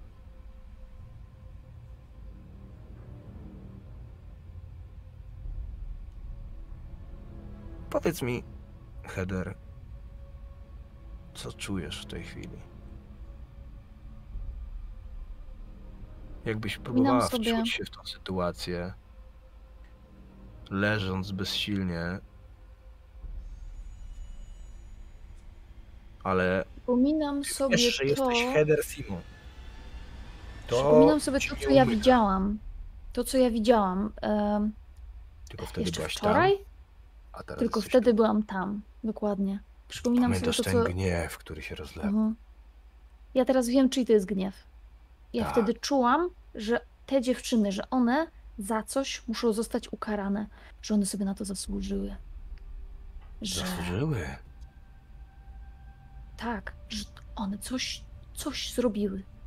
Że ten gniew, on się wywodził z czegoś i teraz już wiem, kiedy patrzę na tego chłopaka, wiem, że jestem sobą. Wiem, że jestem Heather. I teraz kończę. Słychać cię. Okej. Sorka. Em, wiem, że jestem Heather. Wiem, że jestem sobą i już teraz wiem, że to był jego gniew. Że był wściekły na to, co stało się z jego rodziną, co stało się z jego matką, z jego ojcem. Musiał kogoś obwinić. Obwinił te dziewczyny. Teraz, kiedy ja leżę tutaj,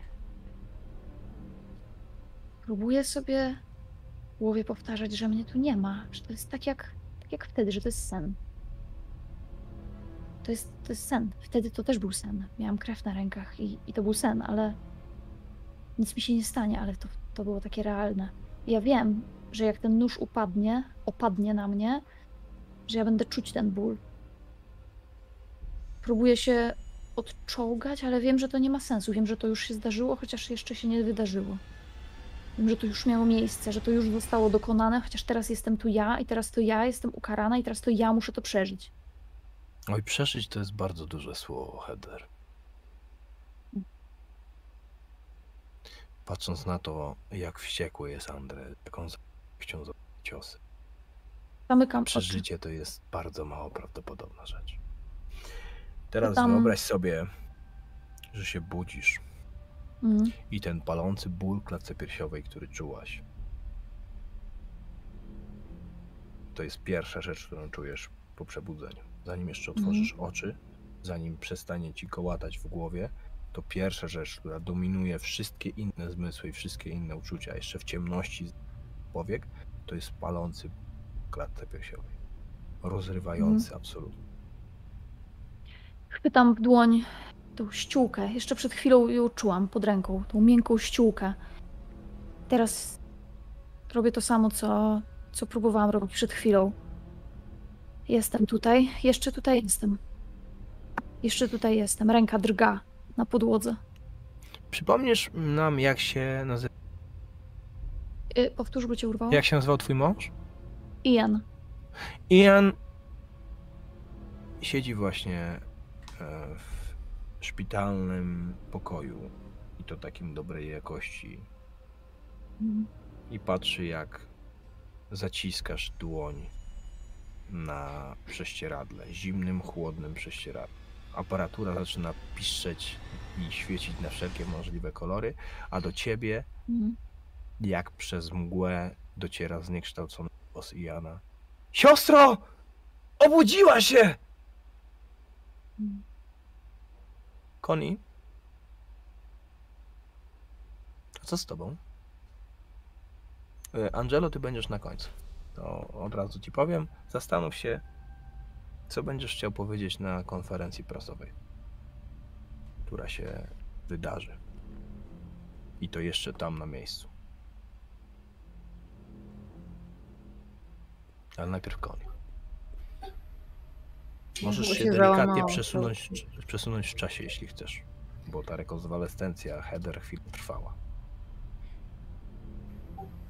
E, Zakładam, że dowiedziałam się później z balistyki. Mm, Mogłaś nie chcieć się dowiedzieć.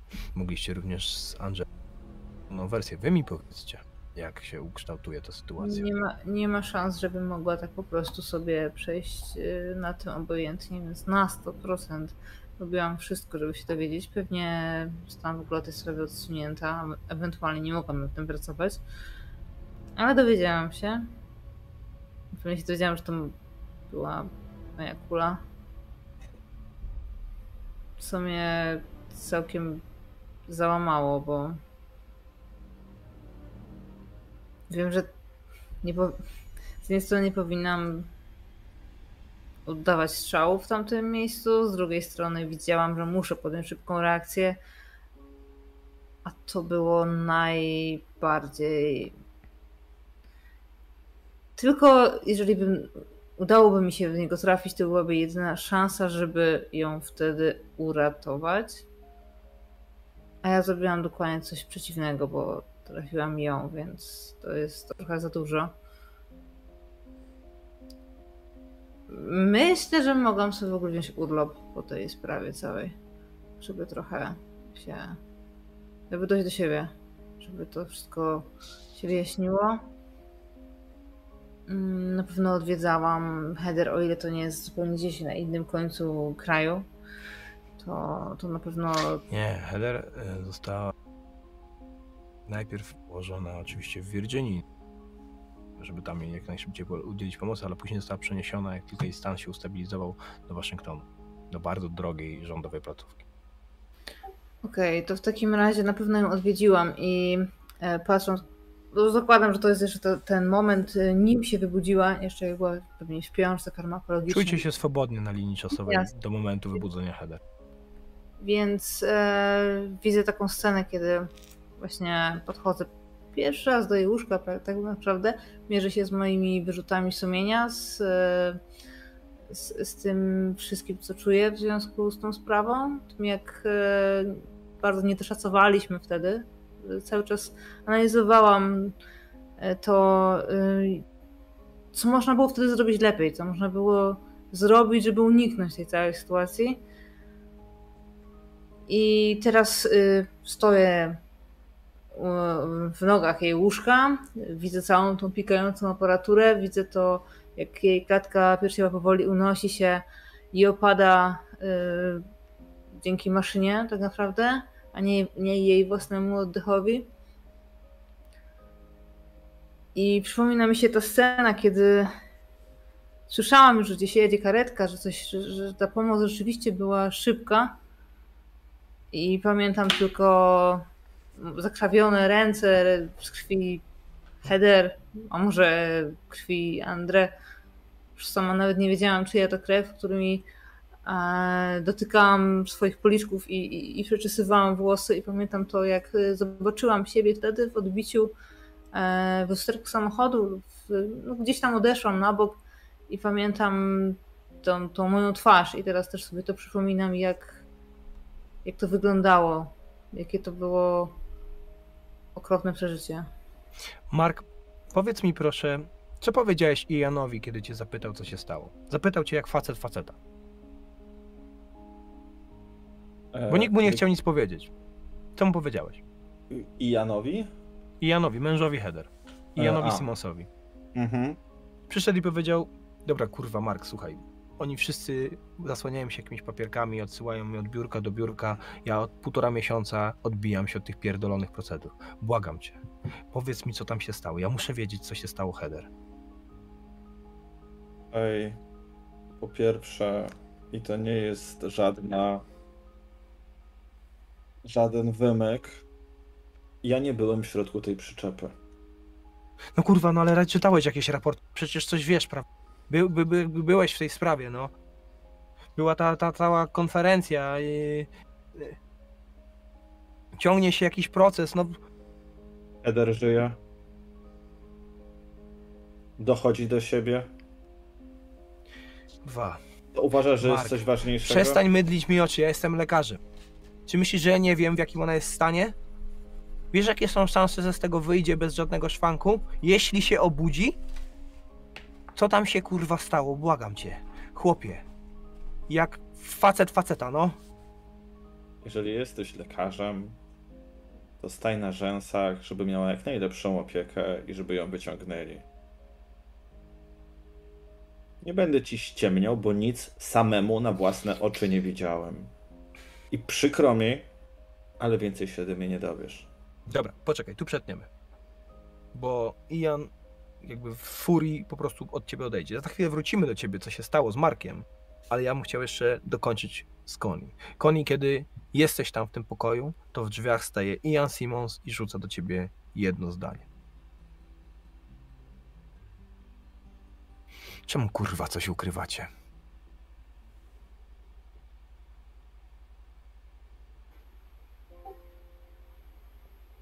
I, i, i, ja przepraszam. Przepraszam.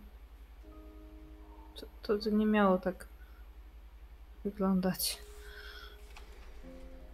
I wybiegam z tej sali. Mijając go.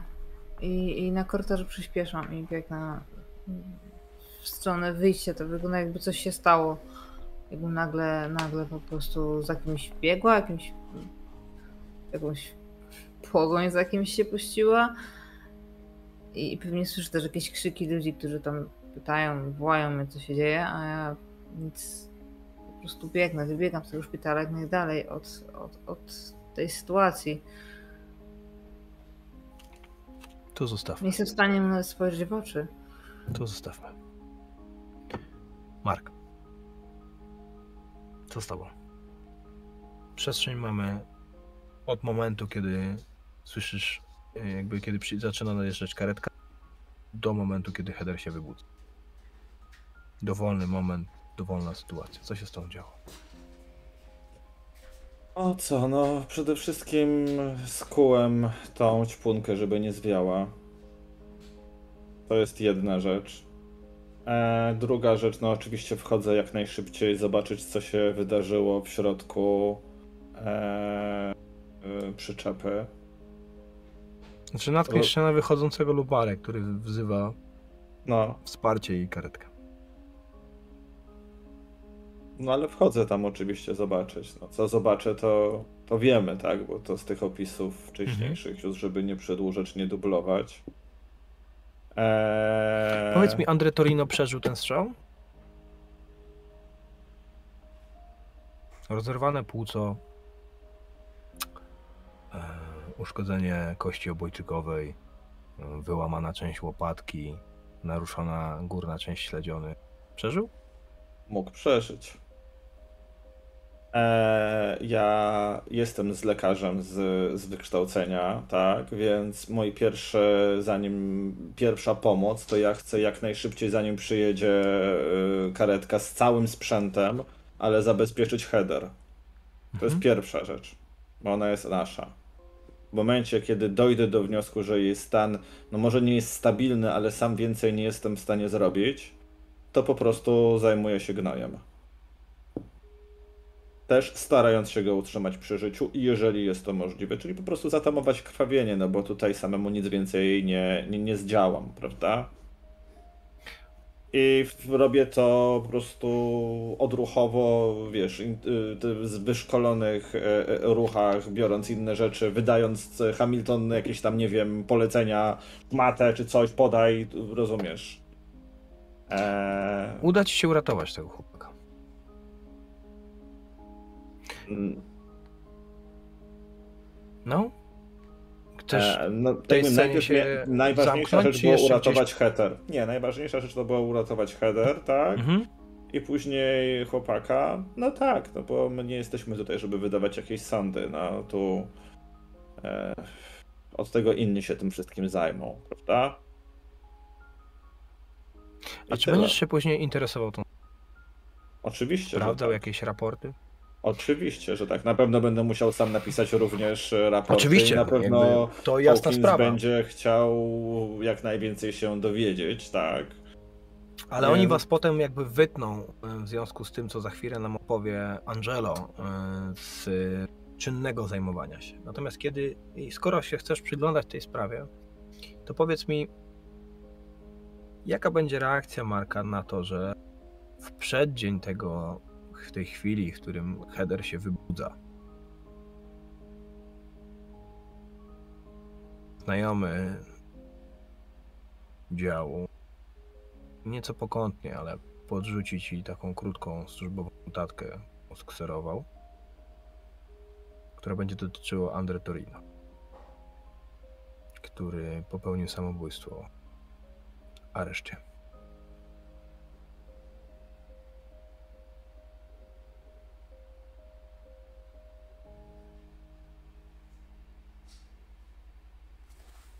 Zamknięta. Tak jak mówię, nie jesteśmy od otwarowania wyroków, czy był winny, nie był winny. Naszą drogą było, żeby znaleźć tego, kto rzeczywiście mordował te kobiety. Wszystko wskazywało na. Wskazywało. Nie wiem, czy wskazywało. Właściwie możemy mieć przypuszczenia, że to był ten dzieciak, skoro był taki silny, tak się rzucił, prawda? Ale na ile proces będzie poszlakowy, na ile coś cokolwiek się udało z niego wycisnąć. Tam wydarzyło się Zrobiliśmy jeszcze najlepszą robotę, którą mogliśmy zrobić. I, I co? I tyle. Okej. Angelo. Konferencja prasowa. Nie mogło się uniknąć. Hawkins próbował cię z tego wymigać. Tam na Próbował, miejscu. bo wiedział, że to jest kurwa najgorsza rzecz, jaka może się stać, ale nie dało się. Pismaki się zlecieli jak do gówna, jak sępy do truchła. Tam na miejscu, w, tej, w, tej, w tym zadupiu. No wiesz, jeśli helikopter przylatuje po agentkę specjalną, e, chłopak zostaje postrzelony, e, to te wieści rozeszły się z prędkością błyskawicy. Nie Okej. dało rady tego ukryć. To żaden problem. Trudno Ja- powiedzieć, kto sypnął, czy to miejscowa policja, czy któryś z mieszkańców. Chuj wie, ale w sumie to nie ma znaczenia już w tej, w tej, w tej Nie ma znaczenia. ja jestem... Konferencja prasowa odbywa się następnego dnia. Następnego dnia z samego rana. Tyle udało wam się kupić czasu. Tyle miałeś czasu, żeby ustalić z resztą jakieś szczegóły i detale. Hawkins, co bardzo dziwne, przez te kilkanaście godzin nie robił ci pod górę. Zadzwonił i powiedział, że odezwie się po sprawie, bo w tej chwili no, jest tak szeroko rozlane, że on nawet nie wie, w co ręce włożyć. Więc jak już się wszystko wyleje, to wtedy dopiero będzie wiadomo, jakie są straty i co można z tym zrobić. I powiedział ci tylko dwa słowa. Na koniec. To był wieczór przed konferencją. Przykro mi. To był dobry zespół. Rozłączam się, nie odpowiadam mu nic. Natomiast już na konferencji ja się nie wymiguję w żaden sposób, bo. Yy, bo jestem. Byłem dowódcą tego, tego zespołu. I mówię. Szanowni Państwo, dziękuję za przybycie na tę konferencję prasową. Wiem, że. Proszę powiedzieć, e, agencie specjalny, Za proszę chwilę powiedzieć, będą co się pytania. stało w tej przyczepie, dlaczego tam doszło do strzelaniny, proszę powiedzieć. I to są, tak jak wiesz, jakby tego typu pytania. Jeżeli pozwolą Trudno mi jest bardzo Państwo uspokoić. powiedzieć, co mam do powiedzenia, za chwilę będzie czas na pytania, dobrze? Bardzo dziękuję. Patryk, zamknij mordę, może jednak coś powie. Tak, no, to jednak jest głęboka. Szanowni Państwo, w toku prowadzonych działań Federalnego Biura Śledczego został pojmany podejrzany w sprawie. Jak pojmany, jak wiemy, że został postrzelony? Jeżeli pan Co będzie mi przeszkadzał, to nie dokończymy tej konferencji, proszę pana.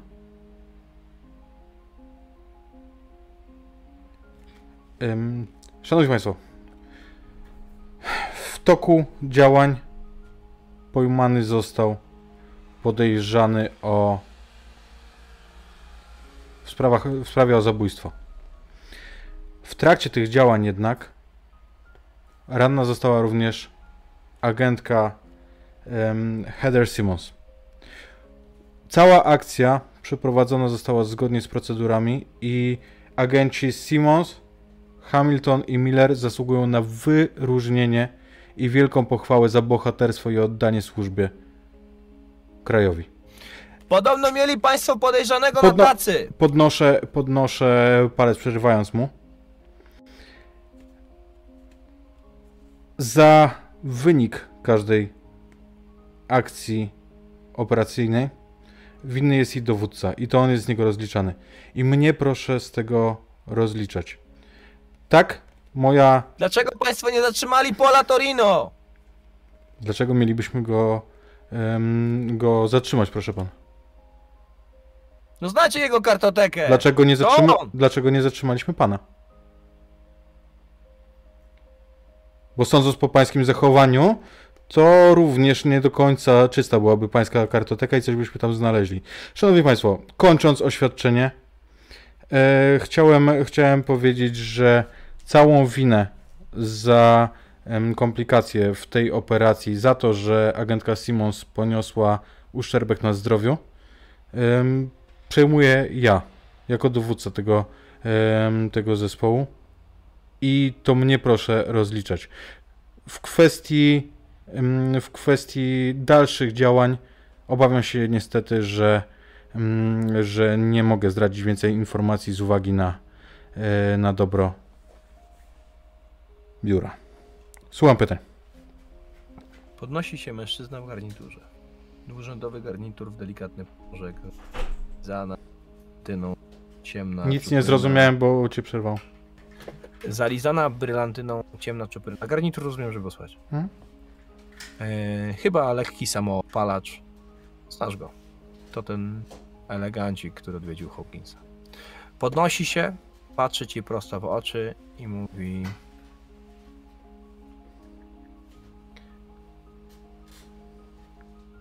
Zgadza się, agencie Lupa. To będzie kolejna sprawa, jaka będzie przeciwko panu toczona. Proszę powiedzieć, jeśli już jesteśmy przy świadkach, jaki będzie pański następny krok w biurze, żebyśmy wiedzieli, jakiej okolicy należałoby unikać. Szanowny panie, nie wydaje mi się, żeby pańskie... Nie, nie, nie, nie, nie nazywam go jego nazwiskiem. Nie wydaje mi się, żeby pańskie postępowanie było zgodne z kodeksem etyki i cóż, macie, macie komisję do takich spraw, prawda? Ale odpowiem. Odpowiem. Zaraz po, mm, po zakończeniu konferencji udam się do biura Federalnego Biura Śledczego, gdzie złożę e, rezygnację z piastowanego stanowiska. Czy taka odpowiedź satysfakcjonuje pana, panie de Villard? Mam nadzieję, e, agencie Lupara, że wyjaśni pan złożone przez lokalnego szeryfa raporty, do których mam dostęp jako potencjalny oskarżyciel w tej sprawie. Oczywiście, A proszę sprawy pana. toczą się szybko, agencie Lupara i e, Proszę tylko, zanim pan po powie za dużo, proszę Mhm. wziąć poprawkę na to, że pana obowiązuje kodeks etyki Hmm. jako stronę w sprawie. Proszę Myślę, uważać, zanim pan powie za dużo. Prędzej czy później i tak się dowie tym, co się wydarzy. Ale dobrze. Poczytamy o tym w gazetach. Czy są inne pytania, Dziękuję proszę państwu. państwa? I on z takim uśmiechem jakby e, siada i patrzy ci się prosto w twarz. Pytań jest mnóstwo. Spędzisz na tej konferencji Ja jeszcze ładnie. rzete, rzetelnie odpowiadam na, wszy- na wszystkie, na które mogę, na które nie, nie mam związanych rąk ze względu na, na tajemnicę służbową. Odpowiadam rzetelnie, przy czym całą winę biorę na siebie. Natomiast w następnej scenie, w przesunięciu, już właśnie w biurze, zobaczymy Angelo, który wychodzi, wychodzi z biura i ma przed sobą to takie wręcz memiczne pudełko, w którym są tam jakieś rzeczy, które miał na biurku i tak dalej. I tam chciałbym spotkać się z Hawkinsem na, biurku, y, na korytarzu. My już jesteśmy po rozmowie, ja mu już oddałem Mhm. blachę, złożyłem wszystkie papiery. Na fajce. Może być. On pali papierosa za papierosem.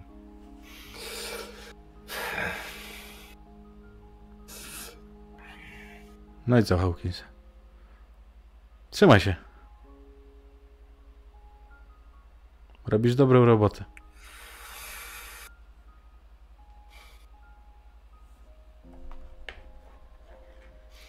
Wiesz o tym, że znaleźli krwawiony nóż z krwią tej kobiety w samochodzie tego całego Torino. Odciski?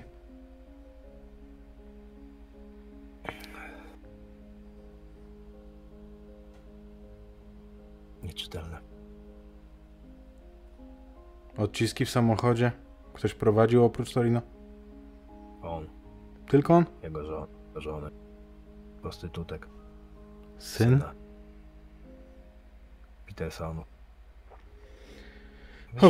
Że- że- Żeby go zatrzymać, trzy osoby zostały. Była kurwa twierdza. Twierdza jakichś pierdolonych redneków. Regularna strzelanina z ostrą bronią.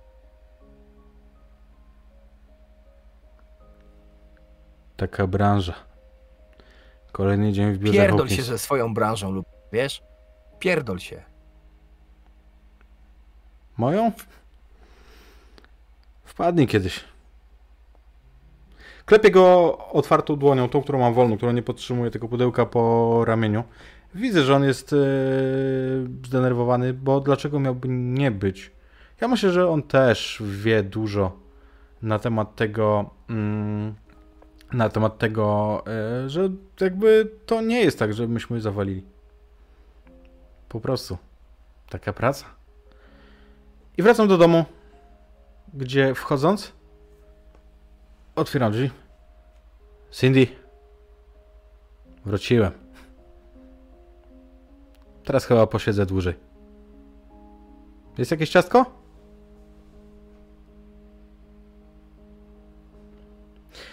Wchodząc, zamykam ze sobą drzwi i ze ściany zdejmuję zdjęcie w ramce.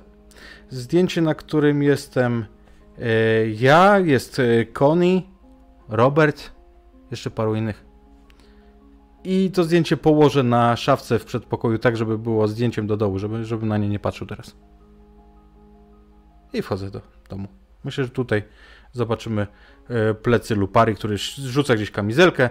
Widać, że ma zabandażowane plecy, bo pod, pod e, marynarką przez, przez koszulę będą, będzie przebijać e, bandaż. I wchodzę do domu. Heather.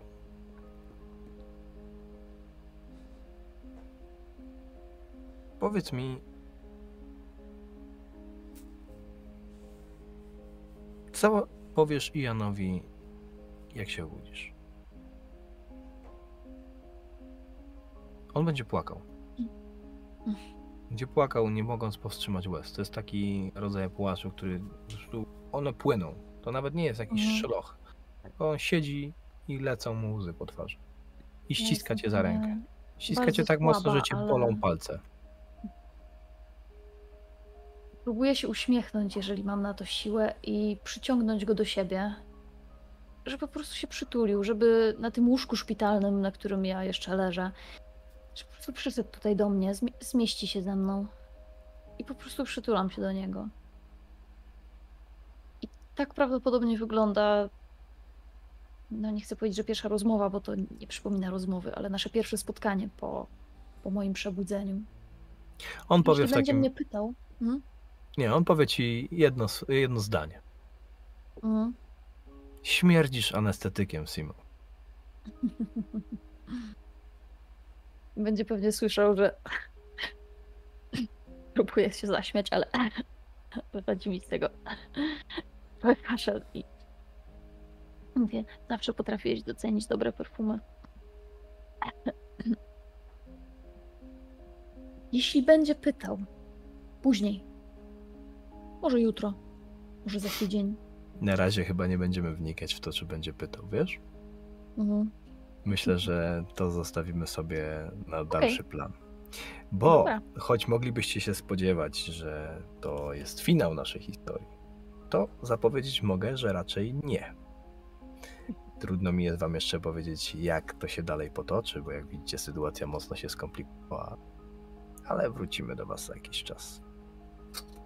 Może nawet z Angelo, kto wie. Awanturę z Janem jeszcze sobie zagramy. Spokojnie. Dziękuję Wam bardzo serdecznie. Zaskakujący, ale bardzo emocjonujący tego śledztwa.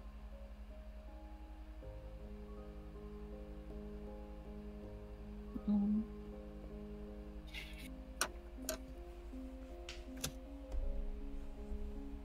Z mojej strony na dzisiaj to tyle, mój. Chcielibyście coś dodać? Graczy zamurowało.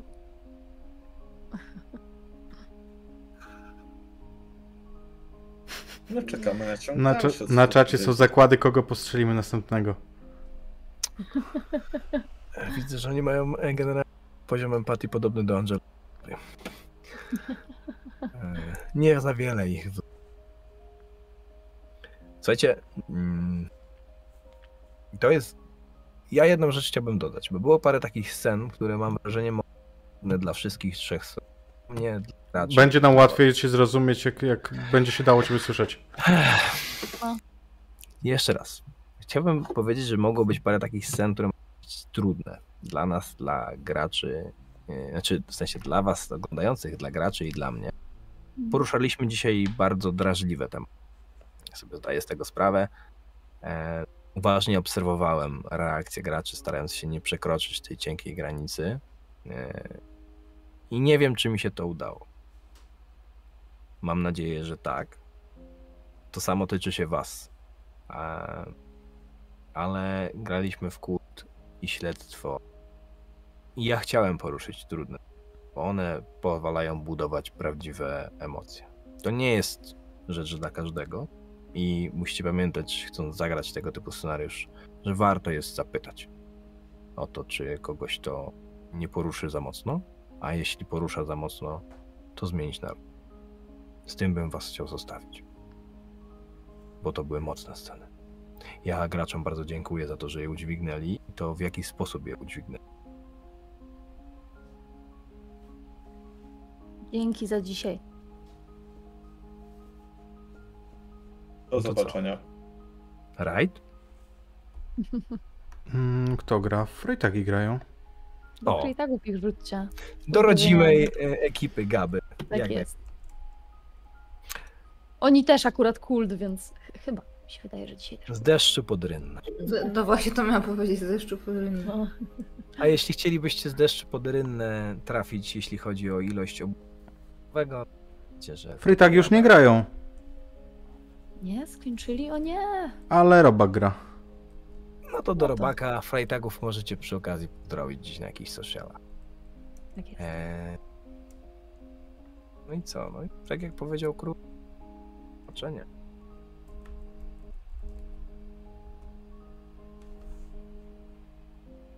Mm, Ja walczę z Rajdem, to nie jest y, takie hop siup.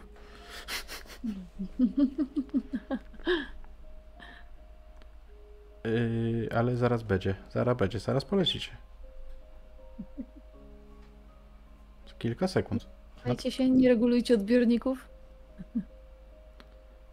I już prawie. Wszystko jest zaplanowane. I dobrze polecieli. I... Idealnie nam się dżingiel skończył.